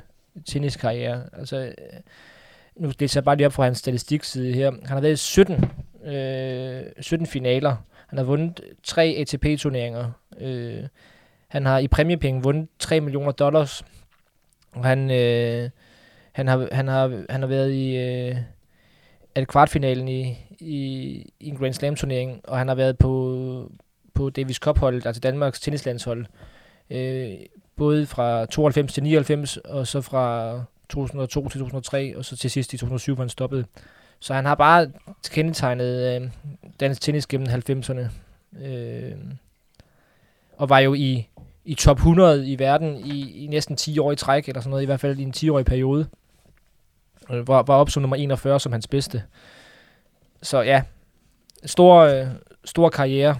Øh, men for lige at vende tilbage til, han, til hans øh, bog her, han, den hedder jo Alene på banen, og, øh, og det beskriver han meget godt, den der ensomhed, der, der følger med, når man er tennisspiller, det vi talte om tidligere. Øh, jeg, vil lige, jeg vil lige læse lidt op her. Han, han fortæller om en, en Davis Cup-kamp. Det er jo de her tennislandskampe, hvor, øh, hvor en nation møder en anden nation over fem kampe. Fire singlekampe og en dobbeltkamp. Øhm, og det er der mange, egentlig mange af de her, mit indtryk er, at der er mange af de her tennisspillere, de er vilde med det, for det er der, der får de en snært af den der holdfølelse der. Øhm, men han skriver her om en, om en kamp mod Argentina, og det er en stor kamp, øh, og, øh, og Ken Carlsen skal så, så spille den afgørende kamp, som han vinder, og betyder, at Danmark vinder den her tennislandskamp. Der er så den detalje i det, at øh, der efterfølgende skal spille sin kamp mere. Der er jo fem kampe, de spiller bedste fem, men så da Kenneth Carlsen vinder sin kamp, så fører Danmark 3-1, og så er Danmark sikker på at vinde. Og så jubler de, og så, så skriver han det her, Kenneth Carlsen. Mens jublen stadig rungede i hallen, og holdet gjorde klar til den sidste kamp, skyndte jeg mig til omklædningen og videre ud i en bil. Chaufføren fræsede mig tilbage til Hotel Marcelis. Mens jeg pakkede taskerne, så jeg noget af vores sidste kamp mellem Morten Christensen og Gabriel Markus på hotellets tv. Det var uden betydning for vores samlede sejr, men selvom jeg gerne ville, kunne jeg ikke se den færdig eller mødes med drengene og juble over vores sejr. Jeg skulle skynde mig til, til lufthavnen i Billund, så jeg kunne nå et, et fly til København og videre til Australien, nærmere, nærmere bestemt Queensland Open i Brisbane. For første gang i karrieren havde jeg sikret mig direkte adgang til en ATP-turnering. Jeg havde ikke noget valg. Det var bare med at komme afsted i jagten på flere point til verdensranglisten. Ikke engang mine forældre nåede jeg at sige farvel til. De var med i Aarhus, og selvom min far vanen tro ikke havde nerverne til at se meget ind i hallen, så så han de sidste partier mod Mancini. Min fly fra Kastrup i København afgik kl. 22.30. Da mine forældre kom hjem til lejligheden kl. 00.30, fandt de kun en seddel. Hej mor og far, jeg var lige hjemme og vende. Ha' det godt, kærlig hilsen Kenneth. Jeg kan stadig huske den der tomme følelse endnu. Så, så, skri- øh, så læser jeg lige lidt videre. det føles meget mærkeligt at sidde der i lufthavnen helt alene, og slet ikke feste med de andre, som man normalt gør på et hold, og som udgjorde en stor del af lykken ved at spille Davis Cup. Jeg blev helt deprimeret af at være så meget op at køre, og samtidig sidde helt alene tilbage med de følelser, som det eneste menneske i verden. I tennis er man i forvejen altid alene på banen. Ingen kan hjælpe dig. På nær i Davis Cup har du ingen holdkammerater. Alt afhænger af dig selv. Du kan ikke læne, læne dig op af nogen eller søge støtte hos nogen, når kampen er i gang. Der er kontant afregning. Taber du, er det dig, der har tabt, så er det dig, der ikke er god nok. Det er dig, der ikke har forberedt dig godt nok, ikke har trænet godt nok. Det er dig, der ikke er i god nok form. Du kan ikke give andre skylden. I kampen er man helt alene. Øh, det synes jeg er meget stærkt. Sådan, altså, det, det er en sejr, han fortæller om her. Ja. Ikke også? Og, og det bliver alligevel sådan et, et, et nederlag for ham. Ja, og så altså alt det, vi har forsøgt at sige om sporten, det Ja. siger han jo her. Altså Ja. det der med, det der vanvittige slid, det er. Og det er ikke kun selve kampene, det er også det der med, at man er, Rejseriet. der er rejseriet, og der er ikke nogen månedsløn, øh, som bare tigger ind fra, ja. fra en arbejdsgiver. Man skal, selv, man skal selv slide sig til den ved at rejse rundt i hele verden og deltage i turneringer. Og det ene øjeblik spiller du i Chicago, og det andet øjeblik spiller du i Taiwan, ikke? Mm. Øh, og, og du kan ikke du kan ikke holde en pause, fordi så går det bare, så går det bare ud over den løn, du indkasserer. Ikke? Og så, det, det, det er meget fascinerende. Og så må jeg jo sige, at jeg, en eller anden grund, så er det altid den, den bog, jeg tænker, jeg har ikke læst den, men det er altid den bog, jeg tænker tilbage på, når jeg tænker på en god bogtitel. Ja, Øh, vi, du og jeg, vi har jo tit over titler, og vi, jeg kommer til at gøre det senere hen, kan jeg fortælle dig. Øhm, men den, den, hvis, det, det kunne, den her bog kunne jo, det kunne, det kunne være, at den var bare bedre kaldt Mit liv på banen. Ikke? ja, præcis. Men når, du, når den hedder Alene på banen, det er tre ord, men du ved præcis, hvad den her bog handler om. Ja. Og, Ja, og hvem den- den, handler om, ikke? Ja, og hvad det, hvem, hvem, hvilken person, hvilken persontype du skal læse om, der kunne finde på at skrive en bog, der hedder Alene på banen. Øh, Præcis. ja, så jeg, for mig der står den ligesom sådan et, et af de bedste eksempler på, hvad en, bog, en god bogtitel kan. Ja, fordi den også øh, har, er dobbelttydig. jo. Han spiller, ja, alene på banen, men han føler sig også alene på banen. Der er alle de der, Præcis. øh, rummer meget, så ja. Jamen, jeg tror, altså, nu giver vi jo ikke stjerner her, men, men jeg er oppe på sådan en 5 ud af 6-agtig. Den, jeg synes, den er rigtig god, fordi han er så ærlig, og fordi han er så reflekteret omkring det. Øh, og, og fortæller rigtig godt både om, om det fede ved sport, men især også om, øh, om nogle af bagsiderne. Øh, han kæmper også i en periode med, med skader, og, og det er jo også sådan en, en, øh, en universel historie, det der med, med sportsudøveren, der, der ikke kan spille, fordi han er skadet. Det er jo, det, det er jo nogle af vores yndlingshistorier i virkeligheden, ikke fordi vi godt kan lide at læse om den smerte, men, men der er bare nogle gode fortællinger i at, Mm. at høre om en sportsudøver, der, der kæmper med ikke at kunne, ikke at kunne dyrke det, han elsker allermest, og det han får penge for. Ja, og det er bare et vilkår i sporten, som Ja. ja. det er vigtigt at, at have med sig, at det, Mm. er, det, det er en risiko, at man kan blive skadet. Så den vil jeg helt klart anbefale, Ken Carlsen. Cool. Du har også... en anden bog om en anden dansk bog om en anden dansk tennisspiller. Ja. Anders Hård Rasmussens En bold ad gangen, øh, som er fra 2010, og som handler om Karoline Wozniakis ved US Open i 2009, og den er bygget op omkring hendes syv kampe, øh, da hun som 19-årig nåede finalen. Mm. Anders Hård Rasmussen er jo en af vores bedste tennisskribenter, synes Ja, jeg. det må vi bare sige. Øh, har skrevet rigtig meget, man kan læse mange af hans ting på Zetland blandt andet, Mm. hvor han også har skrevet om tennis. Øh, og I han har bare... ja. Ja. Hvad siger du, undskyld? Ja, i det hele taget en god formidler, for han har også lavet... Øh, øh, der var nogle somre i træk, hvor han lavede Wimbledon-radio hver dag, en time på Radio Ja. 24 og han har lavet øh, en podcast for, faktisk for Dansk Tennisforbund, hvor han... Vi kan, vi kan kalde en, en, en stille tennisstak, burde den faktisk hedde, fordi han, han går, tager ud til, til tenniselskere øh, rundt omkring i landet. De er ikke alle sammen kendte, nogle af dem er. Øh, og så fortæller han om... Øh, så taler han med dem om at, om at spille tennis, og så spiller faktisk også tennis med dem. Ja. Men, øh, men ja, det var bare lige en sidenote. Ja, det er vigtigt sidenote, og han, han er også kommentator jo, ikke? Ja, præcis. Øh, så han har ligesom, han, han er en af de største tennis vi har, og samtidig så har han evnerne til at formidle det. Mm. Øh, meget, meget, meget interessant. Øh, en bold ad gangen er jo lidt en, er jo lidt en provokerende titel. Ja. Øh, det er en kliché. Anders Hård, han ved godt, det er en kliché. Men det er en kli- kliché, som Karoline Wozniacki blev bekendt for at bruge.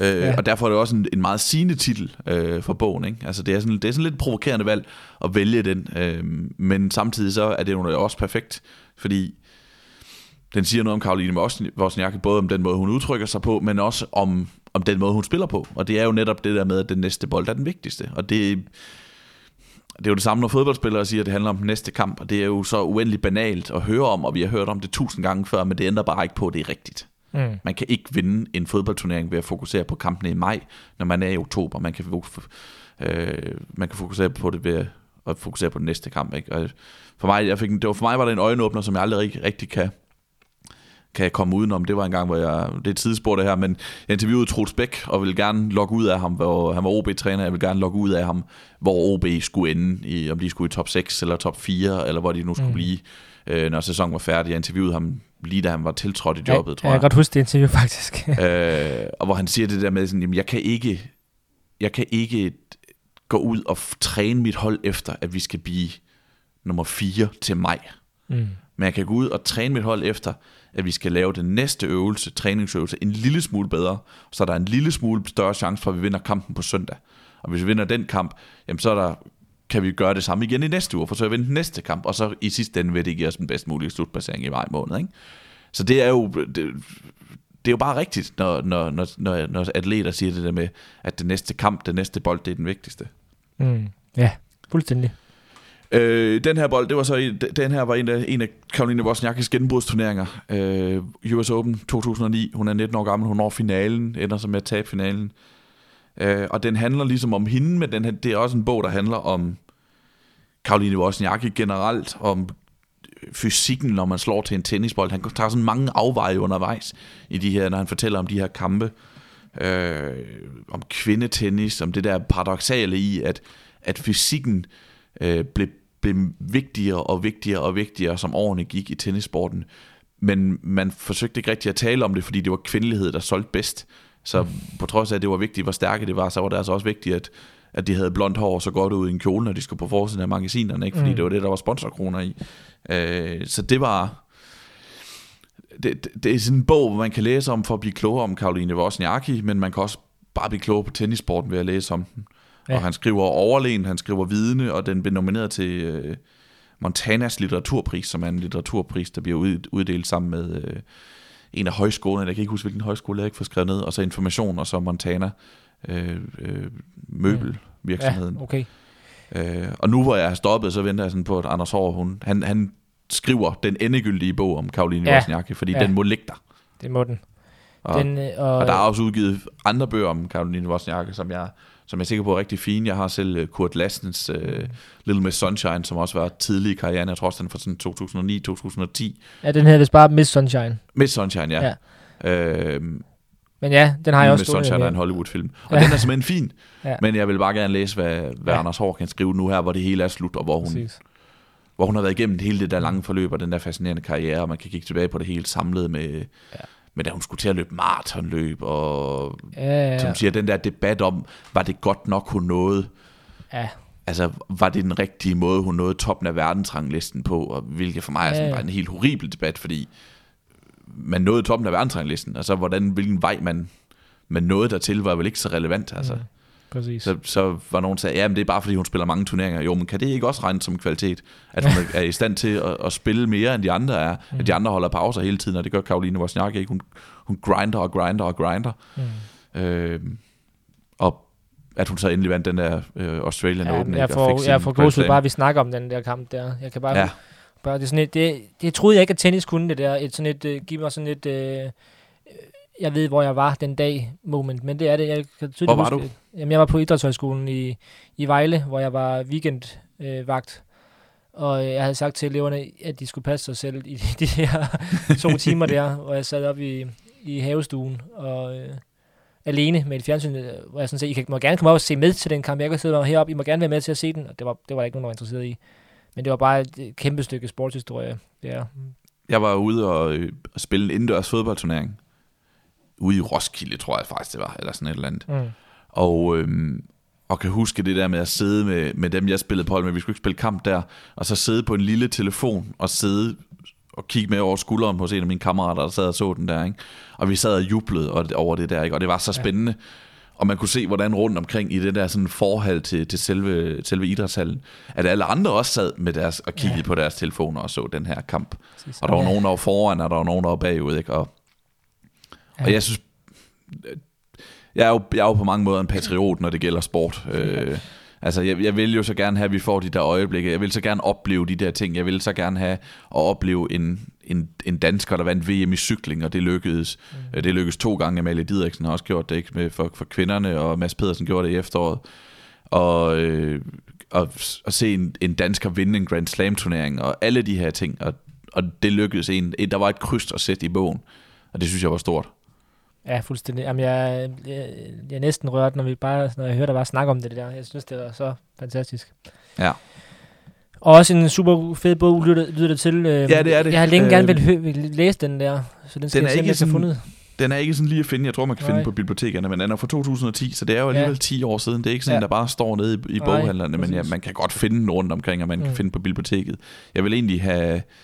Øh, jeg, jeg forsøg, forsøgte at se, om man også kunne købe den som, som e-bog og sådan nogle ting, men det, det, det, der er den ikke ude, men Ja. den kan findes. Stærkt. Øh, den næste, ja, nu går vi udenlandsk på mm. den, og vi går også lidt historisk på den, fordi øh, den bog, jeg tager med her nu, den hedder... Det kan være, jeg skal tage den engelske titel først, for den, så kan vi tage den danske bagefter. På engelsk, der hedder den High Strung, Bjørn Borg, John McEnroe and the Untold Story of Tennis Fiercest Rivalry. På dansk, spændt op, Borg, McEnroe og inde på tennissportens gyldne ære. Så det er altså ikke helt direkte oversat.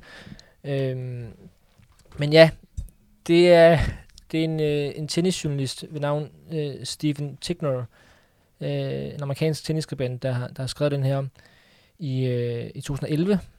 Den er udgivet på dansk i 2012, og jeg kan huske, at jeg fik den af dig. Ja. øh, I gave, da jeg havde udgivet øh, bogen om øh, øh, Mirakelmageren, Richard Møller Nielsen. Men det er nu historien ligegyldig, fordi øh, det er en rigtig god bog, og det er sådan en historisk tennisbog. Den handler jo om, om rivaliseringen mellem øh, Bjørn Borg og McEnroe, og den tager udgangspunkt i, øh, i Wimbledon-finalen 1980. Øh, igen, som du sagde tidligere, verdens største tennisturnering, hvor de to her øh, for første gang mødes i en, øh, i en Grand, Grand Slam-finale. Og som, øh, jeg, jeg kan godt spoile John, John øh, Borg, eller John Borg, John Borg.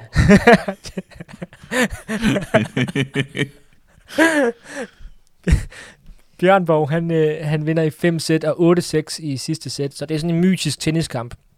Og den tager en udgangspunkt i. Og så opruller den ligesom, ja, som, øh, som, øh, som forsiden, den danske titel, den, den kalder det tennissportens gyldne æra. Jeg vil jo så også sige, at den er meget gylden, den vi har oplevet de sidste 10 år her, øh, men den er jo så også fra 11.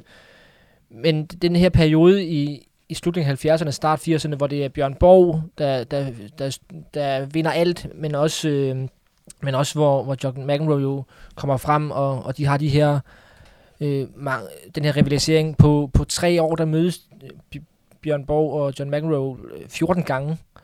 Og, og den her bog, den, den skildrer ligesom den tid, der går fra Wimbledon-finalen 1980, deres første finale mod hinanden, til US Open-finalen i 1981, deres sidste kamp mod hinanden.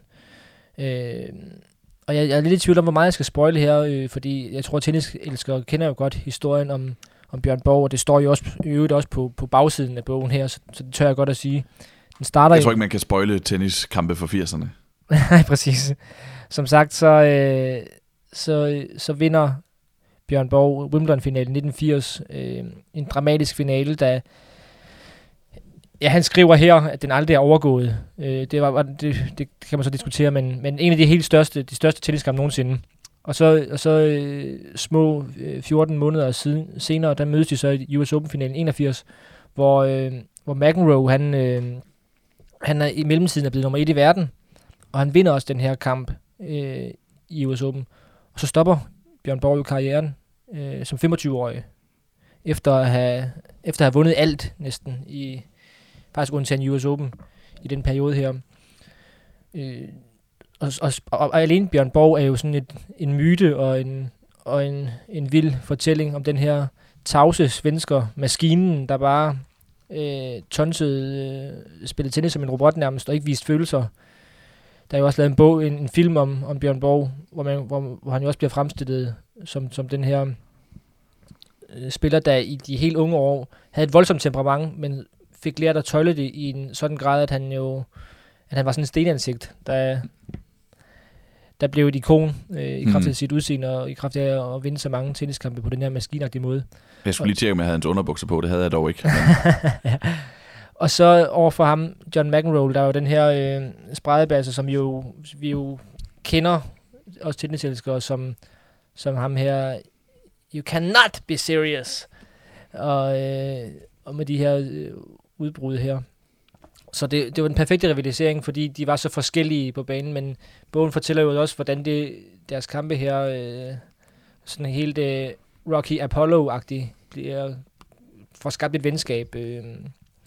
Så der er rigtig meget tennishistorie i den, altså han får, han får oprullet sådan tennissporten sådan sjæl, vil jeg nærmest sige, og historie, hvordan, hvordan det hang sammen i, i gamle dage, hvordan de her tennisklubber opstod, og hvordan det blev til de her Grand Slam turneringer, og, og hele sådan den der sportens kult, vil jeg næsten sige, med, med, med, med den rene øh, hvide sport, eller vi skal kalde det, det her med, med alt det her øh, udenoms, øh, altså det er jo en gentleman-sport i, i, i, i bogstaveligste forstand, øh, og den bliver omgivet af, af de her ritualer og quiet please og alt det her. Mm. Alt det får han beskrevet, samtidig med, at der er nogle portrætter af de største spillere i historien, som jo, som jo lidt eller eller det, vi har oplevet de sidste 10 år, har, har vi også så der i, eller man også så der i, i 70'erne. Øh, Udover øh, Borg og McEnroe er det jo øh, er det jo Jim Connors, og så er det, hvad hedder han nu? Nu skal vi se her. Øh, Gerolaitis. Øh, Vitas Gerolaitis.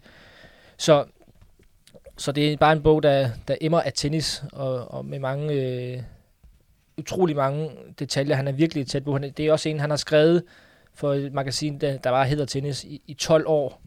Og, og meget af bogen bygger også på de samtaler, han har haft med, med, med forskellige folk. Så det, kildelisten, den er også sådan, det er sådan helt out of this world, fordi det, det er hele John McEnroes familie, så er det Ivan Lindell, Bjørn Borg, Peter Fleming, som også er tennisspiller, og ja, et kildevæld af den anden verden. Øhm, det er vi jo til salg for, altså, at det, det er en god kildeliste, og det ja. der med, at, at, at det er en oplevelse i sig selv at se, hvem personen har talt med. Det er mm. unødvendigvis, at det Altså, og derudover rækker det ud over, hvad der så rent faktisk står på siderne. Ikke? Men man kan godt blive sådan lidt imponeret af det, og det, og det bidrager til læseoplevelsen alene, at der er så mange personer, han har talt med. Ja, og så, så lidt eller lidt eller Anders Hård, så har han jo den, så, så kan han også bare godt lide at, at skrive om tennis. Man kan se, han, altså han har, bare den her måde, han beskriver spillet på, det kan, også, det kan det også, når vi snakker om, om, øh, om, fod, om fodbold, ikke også? Altså, jeg læser bare lige kort op her om en, hvor han beskriver John McEnroes spillestil. da McEnroe var 18 år gammel, havde han endnu ikke malet et canvas færdigt, men den kunstneriske linje i hans spil var tydelig. High school-drengen med det exceptionelle fodboldtalent blandede lynsnare fremrykninger til nettet med fjerlette, nænsomme stopbolde og lop, som var født improvi- som født improvisator, gjorde han det ubesværet. McEnroe vendte op og ned på lærebogen, nøjagtigt som Borg. Han gik, han gik ikke specielt langt ned i knæene. Han lagde ikke kropsvægten ind i sine slag.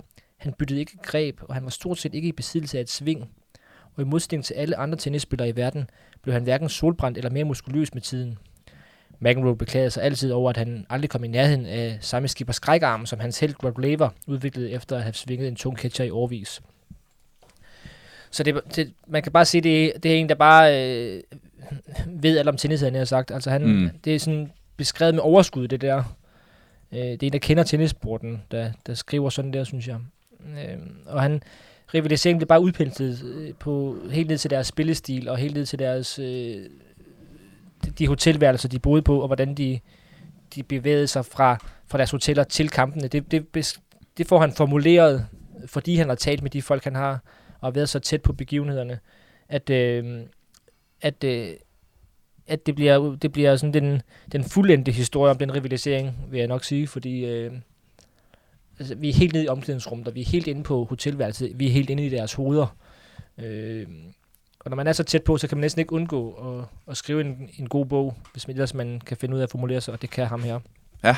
Stephen Tigner, så det er en, absolut en bog, jeg vil anbefale, hvis man vil have, have sådan sin tennishistorie på plads. Øh, fordi det, det er meget mere end bare et portræt af John McEnroe og John Borg. Og John Borg, kom den igen. Bjørn Borg. jeg ved ikke, hvorfor den har sat sig fast i mit hoved, da han skulle det. Det, jeg er glad for, at jeg gav dig en god bog. Øh, ja. Og jeg synes jo, det er kendetegnende for mange af dem her, du, som du, altså, vi, vi allerede har nævnt, at de, de handler om et emne, men de ligesom folder sig ud og handler om hele tennissporten. Mm, præcis. Øhm, og så synes jeg, det, det, det, det, ja. det, er jo fedt, at den her er blevet oversat til dansk. Det er jo, det, jeg tænker, det er en nichebog, ikke også? Altså tennis, tennis i 70'erne. Mm, hvor mange læser er der lige til det, men den er lige blevet oversat til dansk, og det synes jeg er fedt. Mm. Cool. Du har også en det... udenlandsk... Øh, Ja, min næste, den, er, den hedder Strokes of Genius. Den er, den er Strokes of Genius. Den er fra 2009, den er skrevet af L. John Wertheim. Tror jeg, hans navn udtales. Mm. Øh, og den er jo lidt i samme stil. For den er, det er en bog, der handler om Wimbledon-finalen 2008. Øh, og bredere om, øh, om Roger Federer og Rafael Nadals rivalisering. Og endnu bredere om tennissporten generelt, som ja. ligesom er temaet for stort set dem alle sammen, vi har læst den, snakker om indtil videre. ja. Øh, den her Wimbledon-finale 2008 er jo af mange regnet som den bedste tenniskamp nogensinde. Og jeg kan selv huske, at jeg sad og så den, øh, og var sådan blæst bagover. De to spillede også i en utrolig finale i, i 2007, øh, og så gjorde de det endnu bedre året efter. Jeg kan huske den der sådan fornemmelse af, at det er en kamp, hvor man ikke har tid til at blive forbløffet over en detalje, fordi to sekunder senere er der en, som er endnu vildere. Mm. Og jeg har tit tænkt, at det, man burde sætte sig ned og se den igen. Hvis man lige har, jeg tror den er 5 timer eller sådan noget, jeg kan ikke huske det, 3 timer, 3-5 timer eller sådan noget, hvor lang tid det præcis er, men den er i hvert fald lang. Men, men man burde sætte sig ned og se hele den her kamp igen. Øh, Nadal Federer 2008. ja. Og, og du og jeg, vi har jo tit talt om det her med, at begiv, nogle begivenheder er så gode, at de skal have en bog om sig. Præcis. At det, det skal være sådan, at man kan støde på en omtale af den her kamp, og så læse nogen, der siger, at det er den bedste tenniskamp nogensinde, og så må man bare have mere, og hvor kan jeg få hele historien?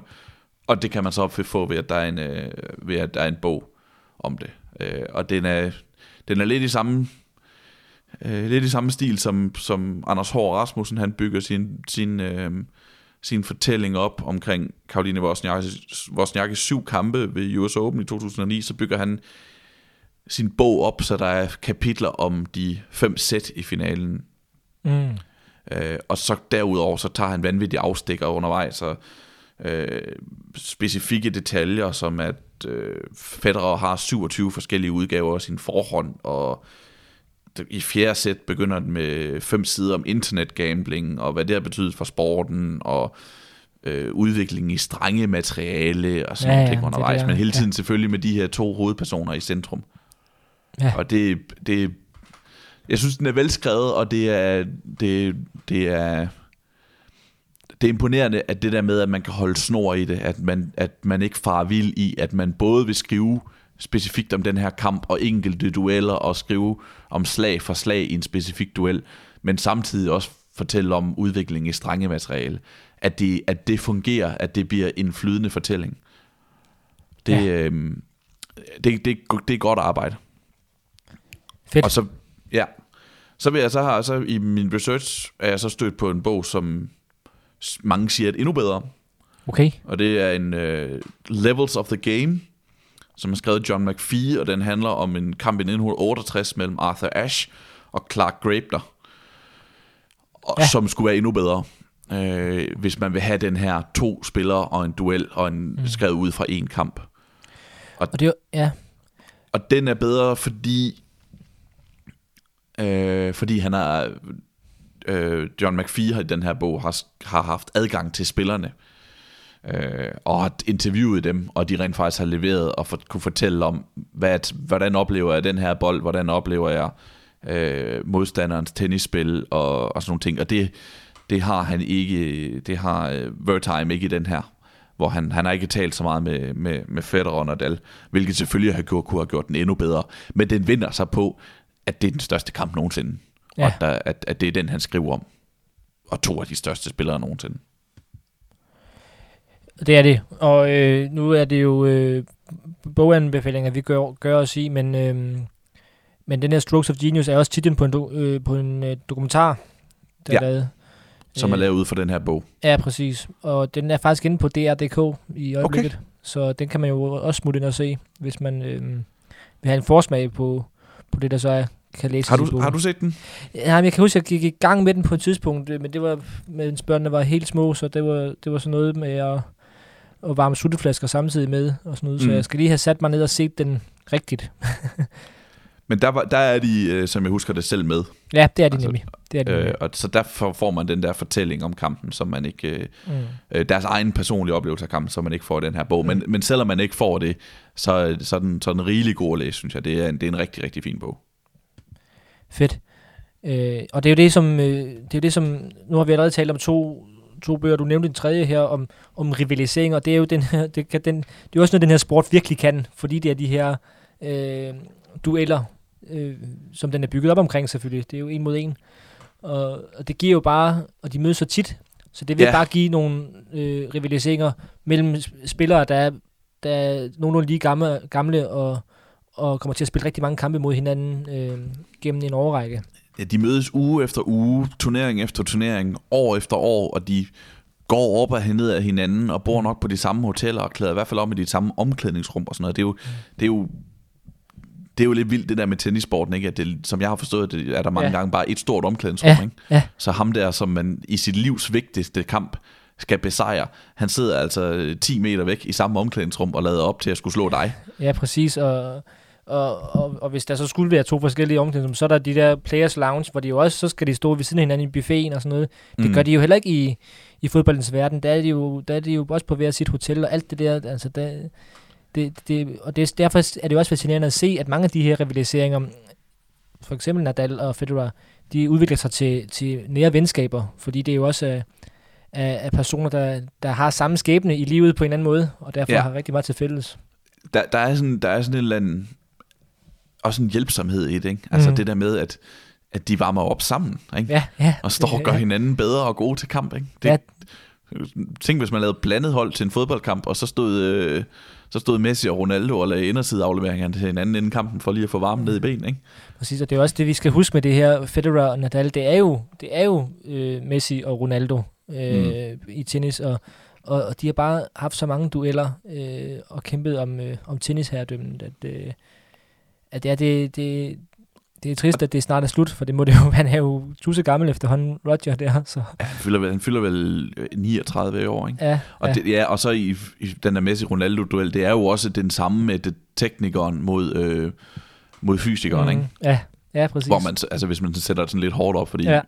både Federer og, og Messi er også fysisk stærke, og både Cristiano Ronaldo og Nadal har en blændende teknik. Men det er ligesom, det er to modsætninger, der mødes. Ja, præcis.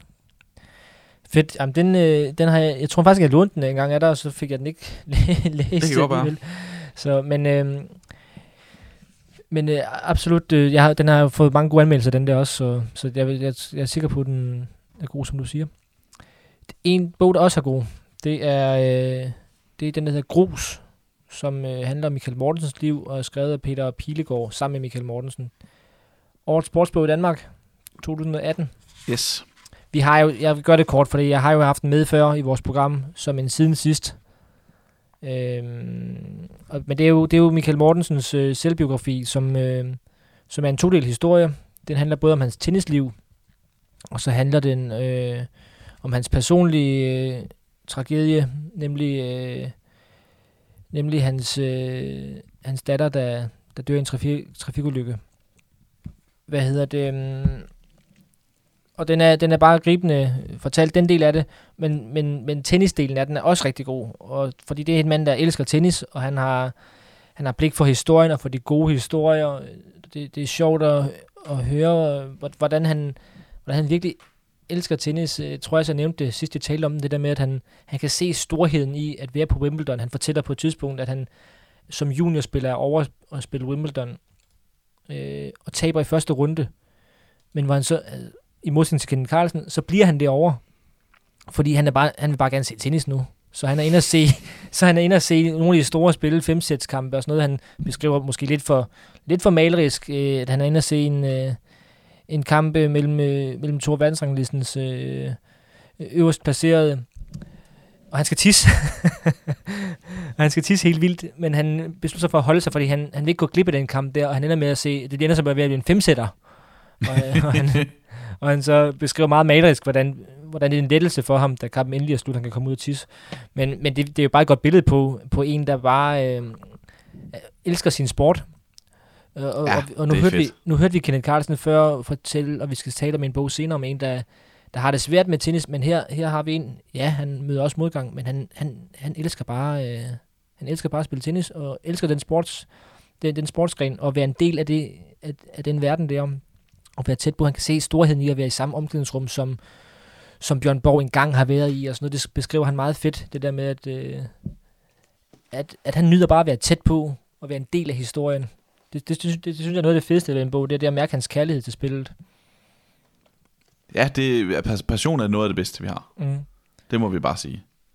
Og, og, og, også, og han fortæller det på en måde, uden det, uden det bliver sådan, ej, hvor var det bare lige fedt at, at sidde og, og spise middag med, med nummer 4 i verden eller et eller andet. Men altså, han, han beskriver det med en ydmyghed og med en, ja, med en respekt for, for historien øh, og, og, for, og for læseren for den sags skyld. Så øhm, jeg synes, den er rigtig god. Øh, og øh, han, har, han har mange... Øh, han har jo mange sådan øh, små afstikker i sit liv, der, der er også interessant at høre om. Han har jo også været træner for Karoline Wozniacki, han har været træner for hende der, Nali, som også har vundet Grand Slam-turneringer.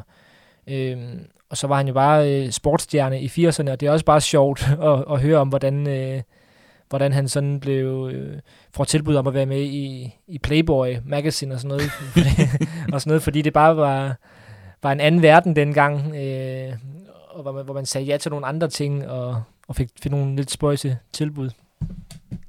Så den, øh, den, den vil jeg også anbefale. En rigtig god dansk tennisbog, øh, og af, af en tenniselsker. Det, det er fedt, at den er, at den er blevet så god, fordi det er jo ikke noget... Det er jo ikke noget... Altså, Michael Mortensen er jo en, en en, en stor mand i tennissport, men er jo ikke noget mega-navn sådan generelt Nej, set i, ja, i dansk præcis. sport eller Danmark generelt. Men det er fedt, at der alligevel er nogen, der har nede og sagt, at det her det skal være en bog, og den skal være så god som overhovedet muligt, og den så er blevet det. Det er jo bevis ved, at den, den vinder over sportsbog. Præcis. Og igen det der med, at han er, det, han, den er også skrevet på et tidspunkt her i 2018, det er øh, mere end 20 år siden, at han stoppede sin karriere, øh, så der er ikke nogen aktuel krog, altså det er ikke sådan en, der er lavet for at tjene penge, tænker jeg. Det er jo sådan en, fordi det er en, en, øh, en gribende historie med hans øh, personlige tragedie, og, og, en, og en velfortalt historie. Altså så, så det, det kan man godt, det har vi nogle gange udtryk af, nogle af de der, øh, det tror jeg Morten Brun der også sagde det til os en gang, nogle af de der fodboldbiografier, der bliver lavet, jamen det er jo sådan, skal vi ikke lige, øh, du har spillet 90 landskampe, skal vi ikke lige lave en bog, fordi der er sikkert mm. mange, der vil købe. Den her, den tror jeg ikke er, er lavet med et kommersielt øje. Nej, den er lavet, fordi der er en historie at fortælle, ikke? Ja, præcis. Og det er den, der er i centrum. Så, så Grus af Michael Mortensen og øh, Peter, Peter Pilegaard, det, den vil jeg anbefale. Fedt. Jeg tror ikke, man kan tale om tennis og, og ting, der er skrevet om tennis, uden at nævne David Foster Wallace, som var en amerikansk forfatter og øh, journalist. Han er øh, en af de, en af de store forfattere gennem de seneste sådan 30 år, vil jeg sige, har skrevet det her, blandt det her megaværk, der hedder Infinity Jest, øh, Infinite Jest, øh, som er 1079 sider langt, hvis nok, og som jeg aldrig kunne drømme om at gå og læse, men det er en roman. uh, jeg har også en bog, der hedder The Pale King, stående over på min, uh, på min reol, som jeg heller ikke har fået læst endnu, men fordi han, han er sådan meget, altså det er sådan en, det er en meget, meget anerkendt forfatter, men også en, en, en tung en. Uh, og David Foster Wallace, han døde desværre i 2008, som 46-årig, begik selvmord. Okay. Uh, men en meget, meget, meget stor tennisskribent også. Han var selv tidligere tennisspiller, dygtig spiller som ung, og har skrevet en masse sådan essays om tennis. Okay. Og i 2016, der udkom den her The String Theory, David Foster Wallace on Tennis, øh, som er en samling af hans, øh, jeg tror det er fem bedste historier om, øh, om, om bedste essays om tennis. Og øh, han skriver meget om, det, det handler meget om det her med at være god. Øh, det, det, sådan, han har en, der hedder Roger Federer as Religious Experience. Den kan man google sig til, ja, hvis man ikke vil købe den, bogen. Øh, ja. Øh, uh, Federer Both Flesh and, uh, and Both Flesh, Flesh and Not har den også uh, været udgivet som. Uh, den handler sådan lidt banalt sagt uh, om at se Federer om hvor god han er. Og uh, han har også en, der hedder How Tracy Austin Broke My Heart. Tracy Austin er en tidligere amerikansk tennisspiller, og han skriver om hendes selvbiografi, om hvor dårlig den er. Meget apropos vores, vores uh, bold og bøger, ikke? Altså det, det her med, at han, her havde man en af verdens bedste tennisspillere, og så skriver hun, og så kan hun ikke fortælle, hvorfor hun, om det at være god. Hun kan ikke formå at sætte ord på det, og det fænomen undersøger han ligesom, hvorfor at så mange sportsudøvere ikke er gode til det med at fortælle, hvorfor, hvordan det er at være god, og hvordan de er gode. Øh, og så den, der hedder The String Theory, øh, som handler om øh, Michael Joyce, en, en tennisspiller i 90'erne, som var... Som, og den handler om det her med, at han var en, altså en af verdens aller, aller, aller, aller bedste tennisspillere. Ja. Han var bare, hvis man ser på, at der er 5 milliarder mennesker på kloden, han var bare rigtig, rigtig langt fra at være en af de allerbedste. Altså, der er stadigvæk langt, langt, langt op til toppen derfra, ikke? Mm. Så han, han undersøger ligesom det der fænomen med, at de her spillere, som er jo ufattelig gode, og meget, meget, meget bedre til det, de laver, end de fleste andre mennesker er til noget, de laver, men alligevel er bare så langt fra nogensinde at komme op og blande sig med Præcis. Sampras og Agassi, og hvem der nu ellers Jamen, var, det, var det, gode det, er jo i sådan lidt en, midt-90'erne, en? Kenneth Carlsen-historie, ikke også? Præcis, ja. ja. Øh, og jeg vil lige læse lidt op, det bliver et langt run det her, men lidt læse op for den her The String Theory. Still, even most main draw players are obscure and unknown. An example is Jacob Classic, a Czech who's working out with Mark Rosset on one of the practice courts this morning when I first arrived at Start Jerry. I notice him and go over to watch only because Classic and Rosset are so beautiful to see. At this point, I have no idea who they are.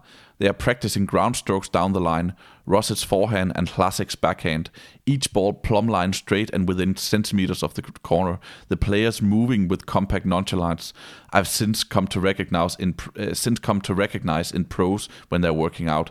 The, su- the suggestion of a very powerful engine in low gear. Jacob Plasik is six foot two and built like a halfback. His half, his blonde hair in a short, square Eastern European cut with icy eyes and cheekbones out the, out to here. He looks like either a Nazi male model or a lifeguard in hell, and it seems like in general just uh, way too scary ever to try to talk to. His backhand is a one-hander, rather like Ivan Lendl's, and watching him in practice is like watching a great artist casually sketch something. I keep having to remember to blink. There are a million little ways you can tell that somebody is a great player. Details in his posture, in the way he bounces the ball with his racket head to pick it up, in the way he twirls the racket casually while waiting for the ball. Classic wears a plain grey t-shirt and some kind of very white European shoes. It's mid-morning and already at least 90 degrees and he isn't sweating. Classic turned pro in 1983 Six years later, had one year in the top 10, and for the last few years has been ranked in the 60s and 70s, getting straight into the main draw of all tournaments and usually losing in the first couple of rounds. Watching classic practice is probably the first time it really strikes me how good these professionals are, because even just fucking around, classic is the most impressive tennis player I've ever seen.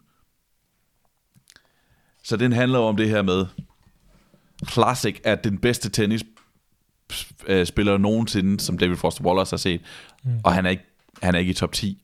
Og han ryger ud i de første runder altid. Ikke? Ja. Så den handler ligesom, i det igen det er en undersøgelse af det her fænomen at være god, og hvad der skal til for at nå til tops, og dem, der bare aldrig når helt til tops, uanset hvor ufattelig gode de er. Så det, Præcis. det er lidt et must, at man, hvis man skal læse om tennis, så skal man læse noget David Foster Wallace. Der er en, øh, da du fortalte mig, at du ville fremhæve den her, så, så læste jeg også lidt, lidt om ham og af ham, og der er en, der er en Guardian-artikel fra, fra 16, hvor den udkom den her, hvor, hvor de også, øh, hvor de kalder David Foster Wallace for the best writer on the game ever. Mm. Øhm, så han er en, øh, en fremragende. Jeg har også læst den der øh, Federer-artikel øh, øh, i en anden sammenhæng, med, med den der med, en, en, øh, hvor han sammenligner det med en religiøs oplevelse at se mm. Federer spille tennis. Og det er bare, jeg kan i det hele taget godt lide de der, den der måde, som amerikanerne, de, de kan skrive sport på, den der essay-tilgang til det, hvor de også bruger sig selv og, og simpelthen fortæller dem bare, hvordan det er at opleve det, de nu oplever. Det, mm. det er ret stærkt. Og øh, så er der nok nogle af vores lyttere, der, der de tændte den der, tænkte på en bog, når de, når de så, at vi skulle snakke om tennis. Og øh, det er så nok den bog, vi er kommet til nu. Ja. Det er Andre Open. Ja. Og jeg har siddet og tænkt nu, og det er ikke kun fordi, vi har talt halvanden time, men det er jo sådan en, man næsten kunne lave en udsendelse om. Ja, Men nu sådan tager har vi, jeg det også lidt. nu, tager vi nu, nu kan vi tage 20 minutter eller en halv time her, og så må vi se, om vi skal dykke mere ned i en anden gang. Det, det kunne sagtens tænkes, fordi jeg sad og, og forberedte mig til det i går, og det var jo en af de der, hvor jeg tænkte, "Ja, den burde jeg tage at læse. Og den er udgivet på dansk, Så mm. den er relativt øh, Ja, accessible, ja. ja. tilgængelig. Og, og jeg havde bare lyst til at se, ved du hvad, nu tager du bare en weekend, og så prøver du den der jeg har også lyst til at igen læse den igen. for så god er den. Jeg, jeg søgte lidt rundt og se, hvad jeg tidligere har sagt om den øh, på Twitter og sådan noget, og så fandt jeg faktisk en top 3, som du har lavet over dine sportsbøger Åh. øh, i 2015, Okay. hvor du har nummer 1, Robert Inge, et alt for kort liv, nummer 2, Andre Agassi, Open, og nummer 3, Tynd Luft. Ja, Øh, og når man ved, hvor meget vi har fablet om tynd luft, og hvor meget vi holder af den bog, øh, den, dengang i 2015, der vurderede du altså Open til at ligge højere på din øh, bogliste. ja. Hvilket ikke siger noget om, at Tynd Luft skulle være en dårligere bog, men siger noget om, hvor fuldstændig enestående og blændende en bog den her er. Ja. Ja, men det er... Det er jo... Øh, jamen, det, og det er sjovt, for det var det, det, var det efteråret 15, det var jo et halvt år inden vores første udsendelse, så det var der, vi jo en gang imellem blev spurgt om det der. Mm. Øhm, ja, og det er længe siden, jeg har læst den, øh, må jeg indrømme. Jeg har kun læst den en gang, og jeg har virkelig lyst til at læse den igen, men, men det er jo... Øh, det er jo Bo Win øh, om, om øh, Andre Agassi, men, øh, og alle hans kampe med sig selv især. Mm. Det er jo, der, er- mange af hans tenniskampe er det også, men, men det er jo de indre kampe, der er sjovest, og, eller ikke sjovest, der er mest interessant at læse om næsten. Men den rummer bare, den rummer bare det hele. Alt det, vi har talt om i halvanden time her, synes jeg, øh, måske ikke så meget tennishistorie, men, men den her tennisspillerens liv og, og kampe, det er en af de bedste sportsbøger overhovedet. Ja, fordi man skal passe på med ikke at sige ærlighed som det første, fordi Mm. det, det burde de alle sammen være. Mm. De burde alle sammen være ærlige, men den her, den er bare så... Altså, der er bare en tindrende sårbarhed i, hvordan han udstiller sig selv. Øh, og så er den... Altså, han, han, han lægger ikke fingre imellem på noget tidspunkt. Og så... Øh, altså, så, så, er den, så er den bare meget, meget, meget rørende, synes jeg. Der er, han, hele konce- altså den røde tråd igennem den her, er jo, at han hader tennis. Ja.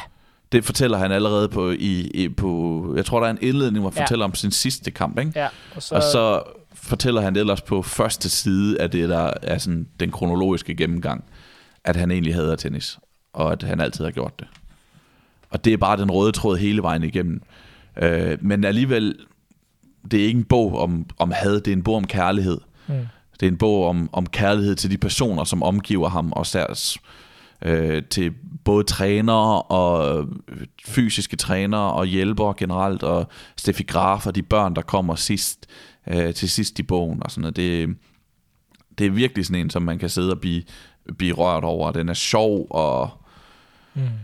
øh, det, ja, den er simpelthen bare blændende god, og der er samtidig på, tro, på trods af, at han fortæller, hvordan han hader sport, så er der bare nogle store sportsøjeblikke i også, mm, fordi der er jo nogle øjeblikke, som alligevel kommer til at betyde meget for ham, øh, som, som er værd at gennemgå. Må, må jeg læse det en op her? Jeg Ja. har ikke læst så meget op i dag, faktisk. Nu har jeg, tror jeg lige et halvdelen af The String Theory, men alligevel.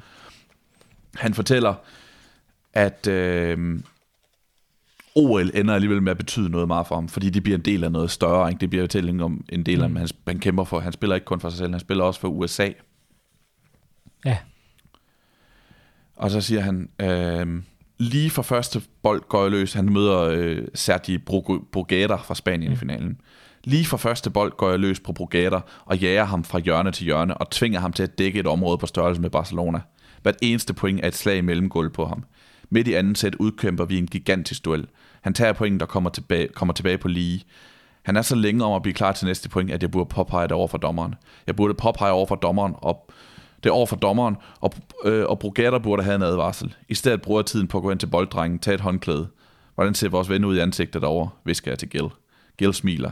Han er lige ved at komme til at læge, bortset fra at han aldrig læger under en kamp. Selvom Brugata har taget pointen, kan både Gil og jeg se, at det point har kostet ham de næste seks partier. Sådan, råber Gil. Hvordan vil det her føles, tænker jeg, da jeg træder op på podiet. Jeg har set det så mange gange på tv, men kan det på nogen måde leve op til mine forventninger, eller bliver det en skuffelse som så meget andet? Jeg ser mig til højre og venstre. Bronzevinderen Pass står på den ene side, sølvvinderen Brugata på den anden. Mit podium er 3, øh, 30 cm højere, en af de få gange, jeg er højere end mine modstandere. Men jeg vil føle mig 3 meter høj lige meget, hvor jeg stod. En mand hænger guldmedaljen om halsen på mig. Nationalsangen går i gang. Mit hjerte svulmer, og det har ikke noget med tennis eller mig at gøre, og derfor overgår det alle mine forventninger. Jeg spejder ud over publikum og får øje på Gil og Brooke og Brad. Jeg kigger efter min far, men han gemmer sig. Aftenen forinden sagde han til mig, at det var lykkedes mig at generobre noget, som blev taget fra ham for år tilbage, men alligevel ville han ikke være synlig. Han vil ikke stå i vejen for mit store øjeblik. Han forstår ikke, at dette øjeblik er stort, netop fordi det ikke er mit. Mm. Ja, det rummer det meget godt ind, fordi han, han beskriver jo, ja, altså, jeg havde tænkt mig at læse op af, da han vinder Wimbledon i 92, hvor det er hans første Grand, Grand Slam-titel, hvor han også beskriver den forbløffelse for, over, hvor glad han er, hvor, mange, hvor meget det egentlig betyder for ham at vinde den der skide titel, mm. når han nu han, øh, når han nu han er så optaget af at have tennis. øh, men, men, men, og det er det, du siger øh, til at starte med, det er også en kærlighedshistorie. Det er jo sådan en, det er jo Becoming øh, Andre Agassi, den her bog øh, handler om. Det er jo sådan en skæbne, skæbnefortælling. Og, og, og derfor rummer den det hele. Had til tennis, kærlighed til, til, til tennis. Det handler også meget om venskaber, det handler om at blive forelsket, det handler om at og øh, jo depressiv. Øh, det handler om øh, stofmisbrug i en, i, mm. i en periode og sådan noget. Så der er så mange... Øh, det, er jo, det er jo livet i virkeligheden. Der er så mange aspekter af livet, han berører her. Og ja, og han udleverer jo virkelig sig selv. Ja, fuldstændig. Altså, på godt og ondt, ikke? Og, mm. og han udleverer jo også mange andre. Det er jo, altså... Det, det, jeg føler ikke, det er en bog, hvor hvor han ligesom gør en pointe ud af at skulle svine folk til. Og det er jo det, vi mange gange hører, at det er derfor sportsudøvere ikke gider at skrive bøger, det er fordi, de, de vil ikke have, det, det handler bare om at svine folk til, at det gider de ikke. Um, og det, men det synes jeg ikke, at han gør, men han Nej. holder sig omvendt heller ikke igen. Nej. Hvis der, han har en holdning til en konkurrent, og det har han mange af, så fortæller han den holdning, og det er jo særligt i forhold til, til Pete Sampras, som jo er hans største rival, og som er bedre end han er, mm. hvilket jeg også synes, det gør det interessant. At ja. det, her, det her, det er jo en af de øh, en af de tennisspillere, som David Foster Wallace i øh, String Theory snakker om, at Mark Joyce og Classic, som vi snakkede om tidligere, ikke aldrig når op til. De når aldrig op på Agassi's niveau. Men Agassi er alligevel ikke den allerbedste. Nej. Der er Pete Sampras, som er endnu bedre, ikke? og der er de der mange, mange mange, mange stunder, hvor han ved, at nu har han en final mod Pete Sampras, og går det som han plejer, så ender han med at tabe den. Mm. Øh, og så fortæller han jo også om Pete Sampras nogle ting, det der med, at han øh, den her mand, som har tjent millioner, hvis ikke milliarder på at spille tennis, giver en dollar i drikkepenge til, til, ja, ja, til, til, ja. til, en, til en mand, mm. der, jeg tror, han styrer en parkeringsplads eller sådan et eller andet. Mm. Øh, det, det, det, altså behøver man jo ikke vide mere om Pete Sampras, vel? Nej, altså den her, den her maskine af en tennisspiller, det endte jo mm. faktisk med at blive en lille smule sådan omdiskuteret emne, fordi Agassi, han, øh, ja han refererede til det under en, en opvisningskamp, de spillede for nogle år siden, og gjorde lidt grin med Sampras, og det blev ikke modtaget specielt godt, og det var sådan noget, som Rafael Nadal blev bedt om at kommentere, og sådan noget, så det endte med at blive en historie, ikke? Ja. øh, men, men, og det er det alle spillere, alle spillere kommenterer han, som han ser dem. Ja, men, det, og, det, men og jeg synes, han, men han, han gør det med sådan et overskud. Altså man kan også godt mærke, når han er jo skrevet den her bog, jeg, efter sit karrierestop, han er kommet ud på en anden side, der er jo også en, det bliver jo fortalt, hele hans forvandling bliver jo fortalt rigtig flot, altså øh, hvordan han, han i sin, hvordan han får et vendepunkt på et tidspunkt, hvor han, hvor han begynder at nyde at spille tennis. Øh, men, men, øh, men det hele er jo fortalt med, med et overskud. Det er ligesom om, han har besluttet sig for at sige, jamen skal vi lave den bog her, så kan vi lige så godt gøre det ordentligt, og så fortæller jeg det hele. Mm. Men, men der, er ikke en, der er ikke en bitterhed i det, synes jeg, og der er ikke en...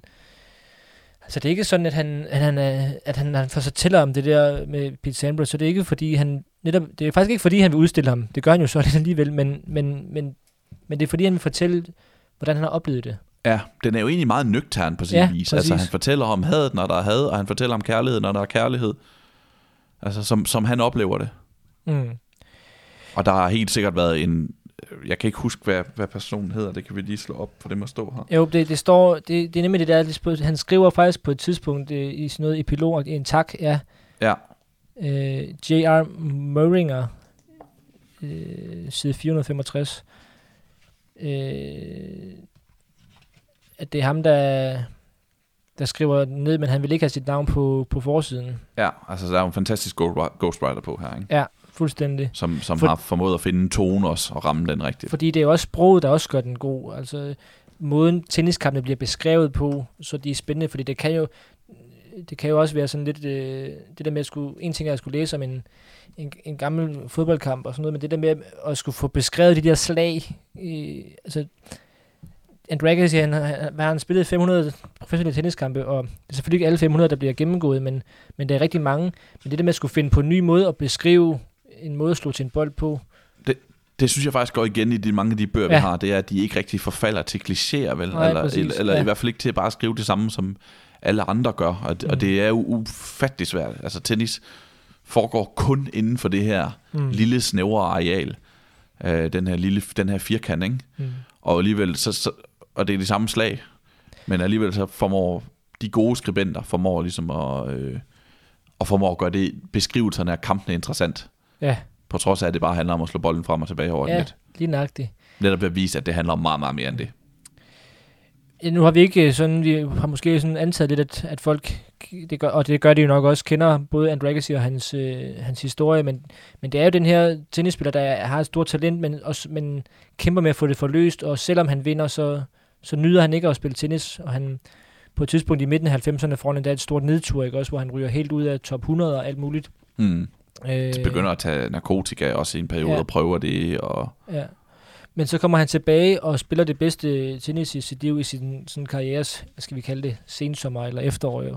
mm. Øh, og er jo det- en af de få spillere, det, nu Ja. spoiler jeg lidt af bogen, ikke, men der har vundet en Golden Slam. præcis. Så de fire store øh, Grand Slam turneringer og, og OL-guld. Urt, Ja.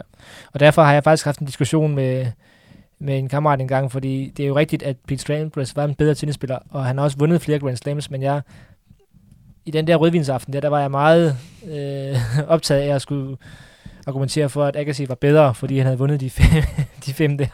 Ja, fordi han, han vinder jo sin sidste, er det i 99, han vinder over Medvedev og får French Open. Mm. Så han har de, ja. alle de fire store. Ja. Og, og det, altså, den finale fylder jo ni sider i den her bog. Mm. Hvilket også er helt vildt detaljeret og fedt, at man følger den her, ikke? Og nu har jeg fortalt det, og de fleste nok vidste det nok godt i forvejen. Han ender med at vinde den her kamp, ikke? Men alligevel er det så spændende at læse om, og man håber så meget, at den her tennisspiller, som hader tennis, øh, alligevel får den her fjerde Grand Slam. Mm. Det, det ej, hvor er det en god bog. Og, og, og sådan, sådan sjov, synes jeg også. Altså, ja. hvis, jeg lige, hvis jeg må læse op. Ja. Så han, han bliver jo kæreste med Steffi Graf, og det er en af, øh, en af historiens store kærlighedsromancer. Ja, det må vi sige. Øh, og hun, er jo, hun har det jo på samme, hun, har jo, hun er jo også tennisspiller og, og har det på samme måde som ham på mange områder. Og, Og og, og har, Big har en far, der er, præcis, er og, og det er det, jeg vil læse op. Ja, og det er, fedt. det, det, det, det, er deres to øh, fædre møder hinanden, fordi hans øh, Agassis far har, øh, har bygget den her, der hedder Dragen, øh, som er en tennismaskine. Og så... Øh, og, og, og, og den der Peter, Peter Graf, han kommer til, til Las Vegas og ligesom skal møde øh, sin, sin øh, svigersøns far, så er det første, han vil, det er jo at se dragen om i baghaven.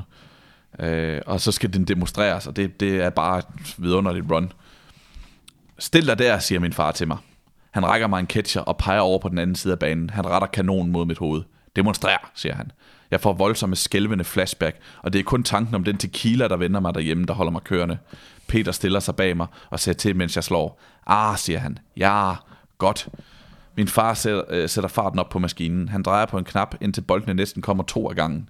Min far må have givet dragen et ekstra gear. Jeg kan ikke huske, at boldene nogensinde kom så hurtigt. Jeg har ikke tid til at få catcheren tilbage til at ramme den næste bold. Peter skælder mig ud for at ramme ved siden af. Det er altså Steffi Grafs far, der skælder ham ud. Han tager catcheren og skubber til mig. Dette, siger han, er det slag, du burde have haft. Du har aldrig haft dette slag. Han viser mig den berømte Stephanie slice, som han påstår, han har lært Stephanie. Hun skal have en langsommere, øh, du skal have en langsommere catcher, siger han. Sådan her. Min far er fyr og flamme.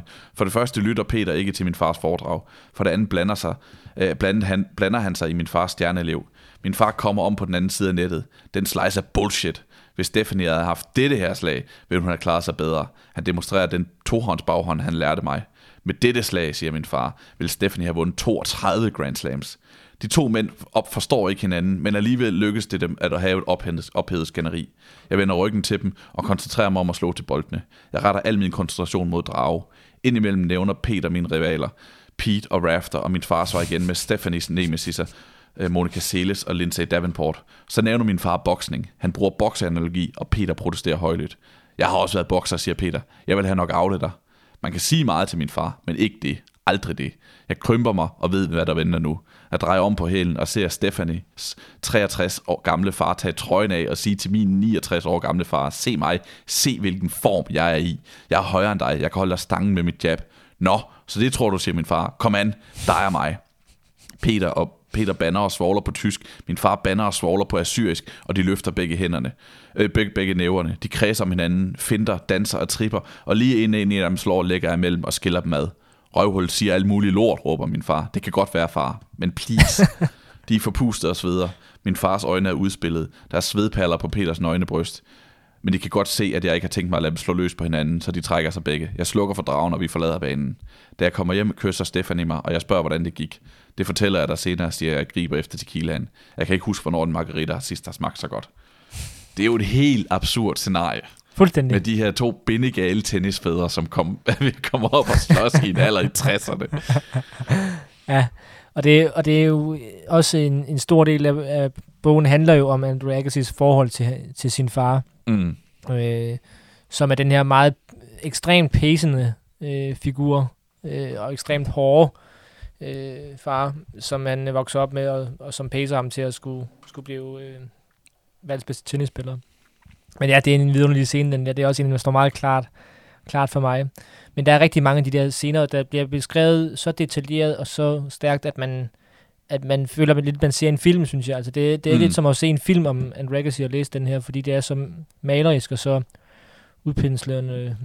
Kunne man, egentlig godt, man kunne egentlig godt filmatisere den her. Kunne man Ja, ikke det? Og det kunne man sagtens, det vil jeg Fordi sige. øh, den har jo det hele. Den har, den har tvivlen, den har konflikten, den har kærlighedshistorien, som er ret nem at, at smide på. Man kan da gøre det til en øh, rom-com, hvis man det er det, man vil. Ja, Ja, præcis. Det er en, ja, ja fordi som du, du har sagt et par gange, der er virkelig også, og det kan man også læse i det, du hører i det, du læste op, altså der er også humor i den. Altså for, han, han, er, han, er han er også sjov, eller sådan, mm. han er, øh, og ikke bange for os at, at udstille sig selv. Øh, altså hele det der øh, flip, han kører øh, på et tidspunkt med paryk og med spil Ja. cowboy shorts og alt det der.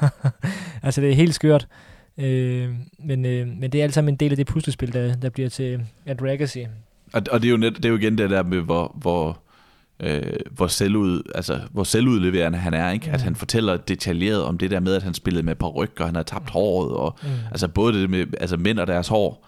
Det, Ja. er, jo en, det er jo en følsom affære, ikke? Øh, og, og han fortæller bare, udstiller lidt, hvor fjollet han var, at han spillede med, spillede med paryk og sådan nogle ting der, ikke? Altså, Ja. Det er jo helt vildt at tænke på, at det er en af verdens tennis, bedste spil, tennisspiller ret rundt med sådan en langhåret paryk. Ja, det, det er så skørt. Øh, og så skriver og så kommer der igen sådan den der sårbarhed ind i det, fordi det, det, der er så en linje, hvor han så beskriver det med, at han blev lidt en kultfigur, fordi han, at han øh, så så specielt ud, og han spillede jo ikke i, i, hvid, i hvidt tøj som alle andre og sådan noget, hvor han beskriver, at, øh, at folk begyndte at, at være, og gerne ville være som ham, og han blev et ikon og sådan noget, og, og så, der, der, er det- der får man sådan helt ondt i maven, når han så skriver, at at jeg undrede mig over, at, at alle gerne vil være Andrew Agassi, når jeg ikke selv vil være Andrew Agassi. Mm-hmm. Og så kommer den der, den der sårbarhed lige pludselig op igen, midt i at man er i gang med at sidde og grine lidt af, han ser fjollet ud, så, så, så, så kan jeg alligevel, øh, ja, så, så øh, går man lige pludselig fra, fra grin til gråd på, på meget få linjer. Ja, man er virkelig hele følelsesregistret igennem i den her bog, Mm. og det er en af de bedste sportsbøger nogensinde. Ja. Ja. Så simpelt er det. Ja, jeg Den, så den, lige- skal man læse, og det er faktisk uanset om man er tennisinteresseret eller ej. Ja, det er sådan, Ja. Vi snakker jo tit om det der med øh, øh, pool-anbefalingerne. Ikke? Altså venner og familie, der, øh, der, der, skal på, der skal på sommerferie, de læser måske ikke så meget, men så vil de godt have en god sportsbog med til, til poolen. Ja. Og, der, og der, alle kan læse den her. Min hustru har også læst den, øh, som ellers ikke øh, læser sportsbøger, og hun synes også, den var god. Mm. Og jeg har faktisk en sætning med fra den bog i min tale til hende på vores, til vores bryllup, øh, hvor han jo, det var noget omkring det der, han siger med Steffi Graf og sådan noget. Så, Ja. Så det kan Det den også kan- bruges til. Det, kan- det, kan, det kan jeg ikke lige huske, men jeg havde måske drukket lidt for meget rødvin på det. Ja, det var også en god aften. Ja, det var det. Okay. Øh, jamen, vi kunne tale mere om den her, men skal vi ikke, øh, skal vi ikke sige, øh, slutte af med at sige, at den, den skal man bare se at få fat i. Jo, hvis der er nogen, der stadigvæk lytter med her, hvor vi nærmer os øh, to timer, så, ja. så gemte vi den vigtigste bog til sidst. Ja, Fordi præcis. den skal I simpelthen læse. Det er, det er pensum. Mm, lige nøjagtigt. Okay, Så mangler vi bare lige at have, tage ønskelisten. Ja. Og øh, nu sagde jeg jo for to timer siden, at øh, jeg ikke sådan lige havde lyst til de, de tunge fodboldbøger i øjeblikket. Mm. Og så nævnte jeg faktisk Inverting the Pyramid, som en, at den havde jeg i hvert fald ikke lyst til. Men så kom jeg til at tænke på, at øh, den her Jonathan Wilson-bog, den har jeg aldrig læst. Og øh, det er jo ellers den, der tit bliver fremhævet som sådan en must-read. Ja. Måske ikke fordi, at, den, øh, at er den største læseoplevelse, men fordi det jo gennemgår taktikkens øh, historie. Øh, så, så, så, så, den har jeg på min, jeg har den på min hylde, og så er det egentlig bare med at få dykket ned i den. Og jeg tænker, det er sådan en, det, når vi har en, en podcast om fodboldbøger, og jeg så ikke har læst den, det, det går ikke helt. Jeg har lidt dårlig samvittighed over det. Du har heller ikke læst den. Nej, jeg har heller ikke læst den. Mm. Jeg startede på den en gang for mange år siden, og så droppede jeg den. Øh, og jeg tror, vi har beskyldt den for ikke at mangle græs nok. Ja, Hvilket jeg tror, vi tager fejl i, når vi har sagt. Ja, Øh, ja der er for lidt, øh, for lidt bold i den og for mange tal. Ja, og fordi vi har jo læst så meget andet end Wilson, og han, han, altså, han brænder jo at fortælle lyst, og kan slet ikke lade være med at fortælle gode historier. Præcis. Så øh, det, jeg har faktisk lidt dårlig samvittighed over, at vi ikke har læst den. Det er det. Den, hedder, den, hedder jo, den er oversat til dansk og hedder jo Fra pyramiden til 4-4-2, fodboldtaktikkens ja. historie. Og det er jo den her bog, hvor han, hvor han gennemgår fodboldspillets taktik og formationer og spillesystemer, hvordan det har udviklet sig siden 1800-tallet og så frem til, ja nu siger jeg i dag, men den er jo efterhånden lidt, lidt gammel, den bog her egentlig. Så nu, nu må jeg få den, øh, få den læst. Jeg kan ikke love, jeg når at gøre det til næste gang, men øh, den, den er helt klart på, på to-read-listen nu. Fedt. Jeg vil også øh, bestræbe mig. Jeg har faktisk lige i gang med at færdiggøre øh, hans nyeste bog, The Names Heard Long Ago, Mm. Om øh, ungarsk fodbold. Ja. Så den, øh, vi kan køre. Hvis vi er dygtige, så kører vi en, øh, en siden sidst Jonathan Wilson special næste gang. Lad os, øh, lad os øh, have det som målsætning i hvert fald. Ja. Og så vil jeg nævne min, på min ønskeliste, en bog, som øh, siden vi optagede sidst er blevet offentliggjort, at den kommer. Arsene Wenger, My Life in Red and White, Ja. som udkommer den 15. oktober.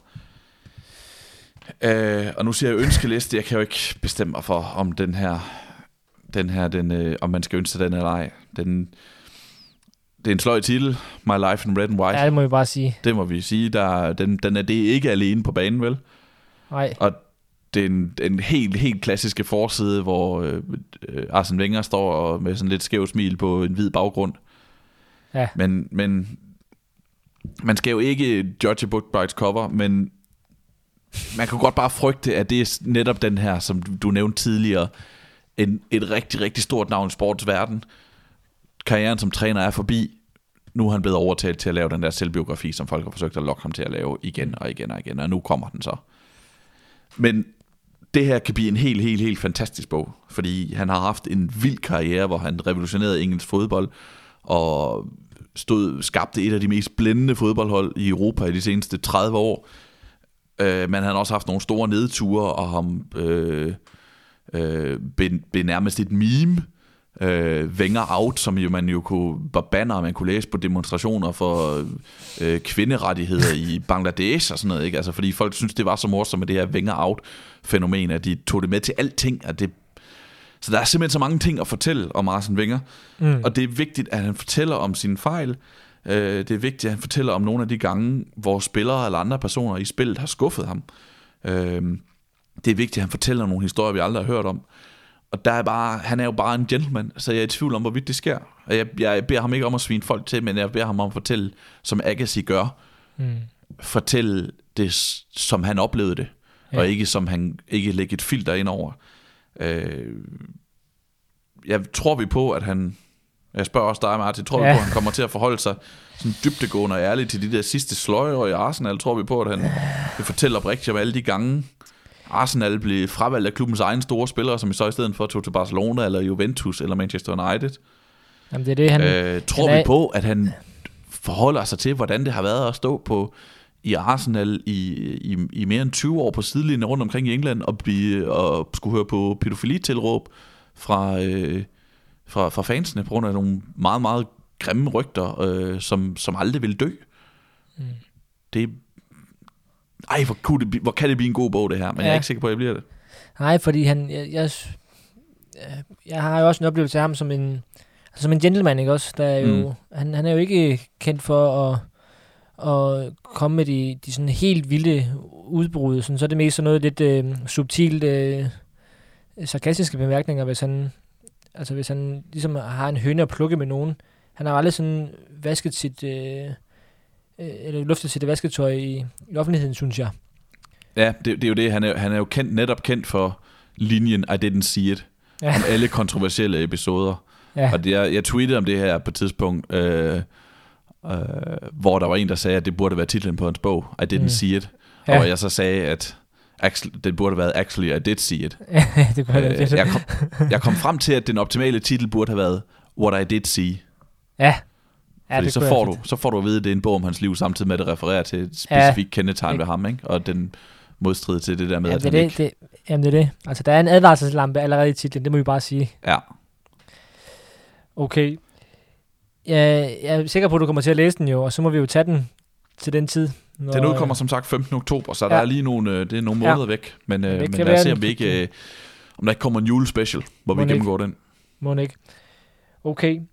Jamen, øh, vi kan lige nå at køre den under to timer, hvis vi siger hurtigt farvel. farvel. ja, med jingler, så er det nok, øh, så ryger vi alligevel over. Tak for i dag, Sebastian. Det var rigtig hyggeligt igen at spille om fodboldbøger. Det synes jeg også, det var, Martin. Og tennisbøger i den grad. Ja, i, i den grad tennisbøger. Ja. Og vi håber, at, øh, at folk har lyttet med og synes, at de forventede nok at få den vanlige podcast om fodboldbøger. Jeg håber, I synes, det var en okay oplevelse at blive taget med i en anden sportsgren. Ja. Øh, hvor vi jo ikke er eksperter. Det er mm. vi måske heller ikke med fodboldbøger eller fodbold generelt. Men vi ved dog mere om fodbold, end vi gør om tennis. Men øh, der vil sikkert være nogen, der ved endnu mere om det her derude, som, ja. som tænker, hvorfor nævner de ikke den og den og den bog? Men det er jo som altid vores anbefalinger. Mm. Som altid vil vi rigtig gerne høre feedback på det her. Også i forhold til jer, der, der egentlig bare gerne vil høre om fodbold. Hvordan var det så med tennis? Og vi, det er jo ikke nogen hemmelighed, kan vi godt sige, at der er jo også andre sportsgrene, mm. som der er skrevet bøger om. Det kunne jo være, at vi vil, øh, vi vil dykke ned i dem i en anden sammenhæng, så det, det håber vi, vi kan få lov til. Så tak til Arbejdernes Landsbank og Mediano for at give os øh, mulighed for at lave de her programmer her. Det er vi rigtig glade for. Og størst tak til jer, der lytter med. Vi er tilbage igen om en måned. På genhør.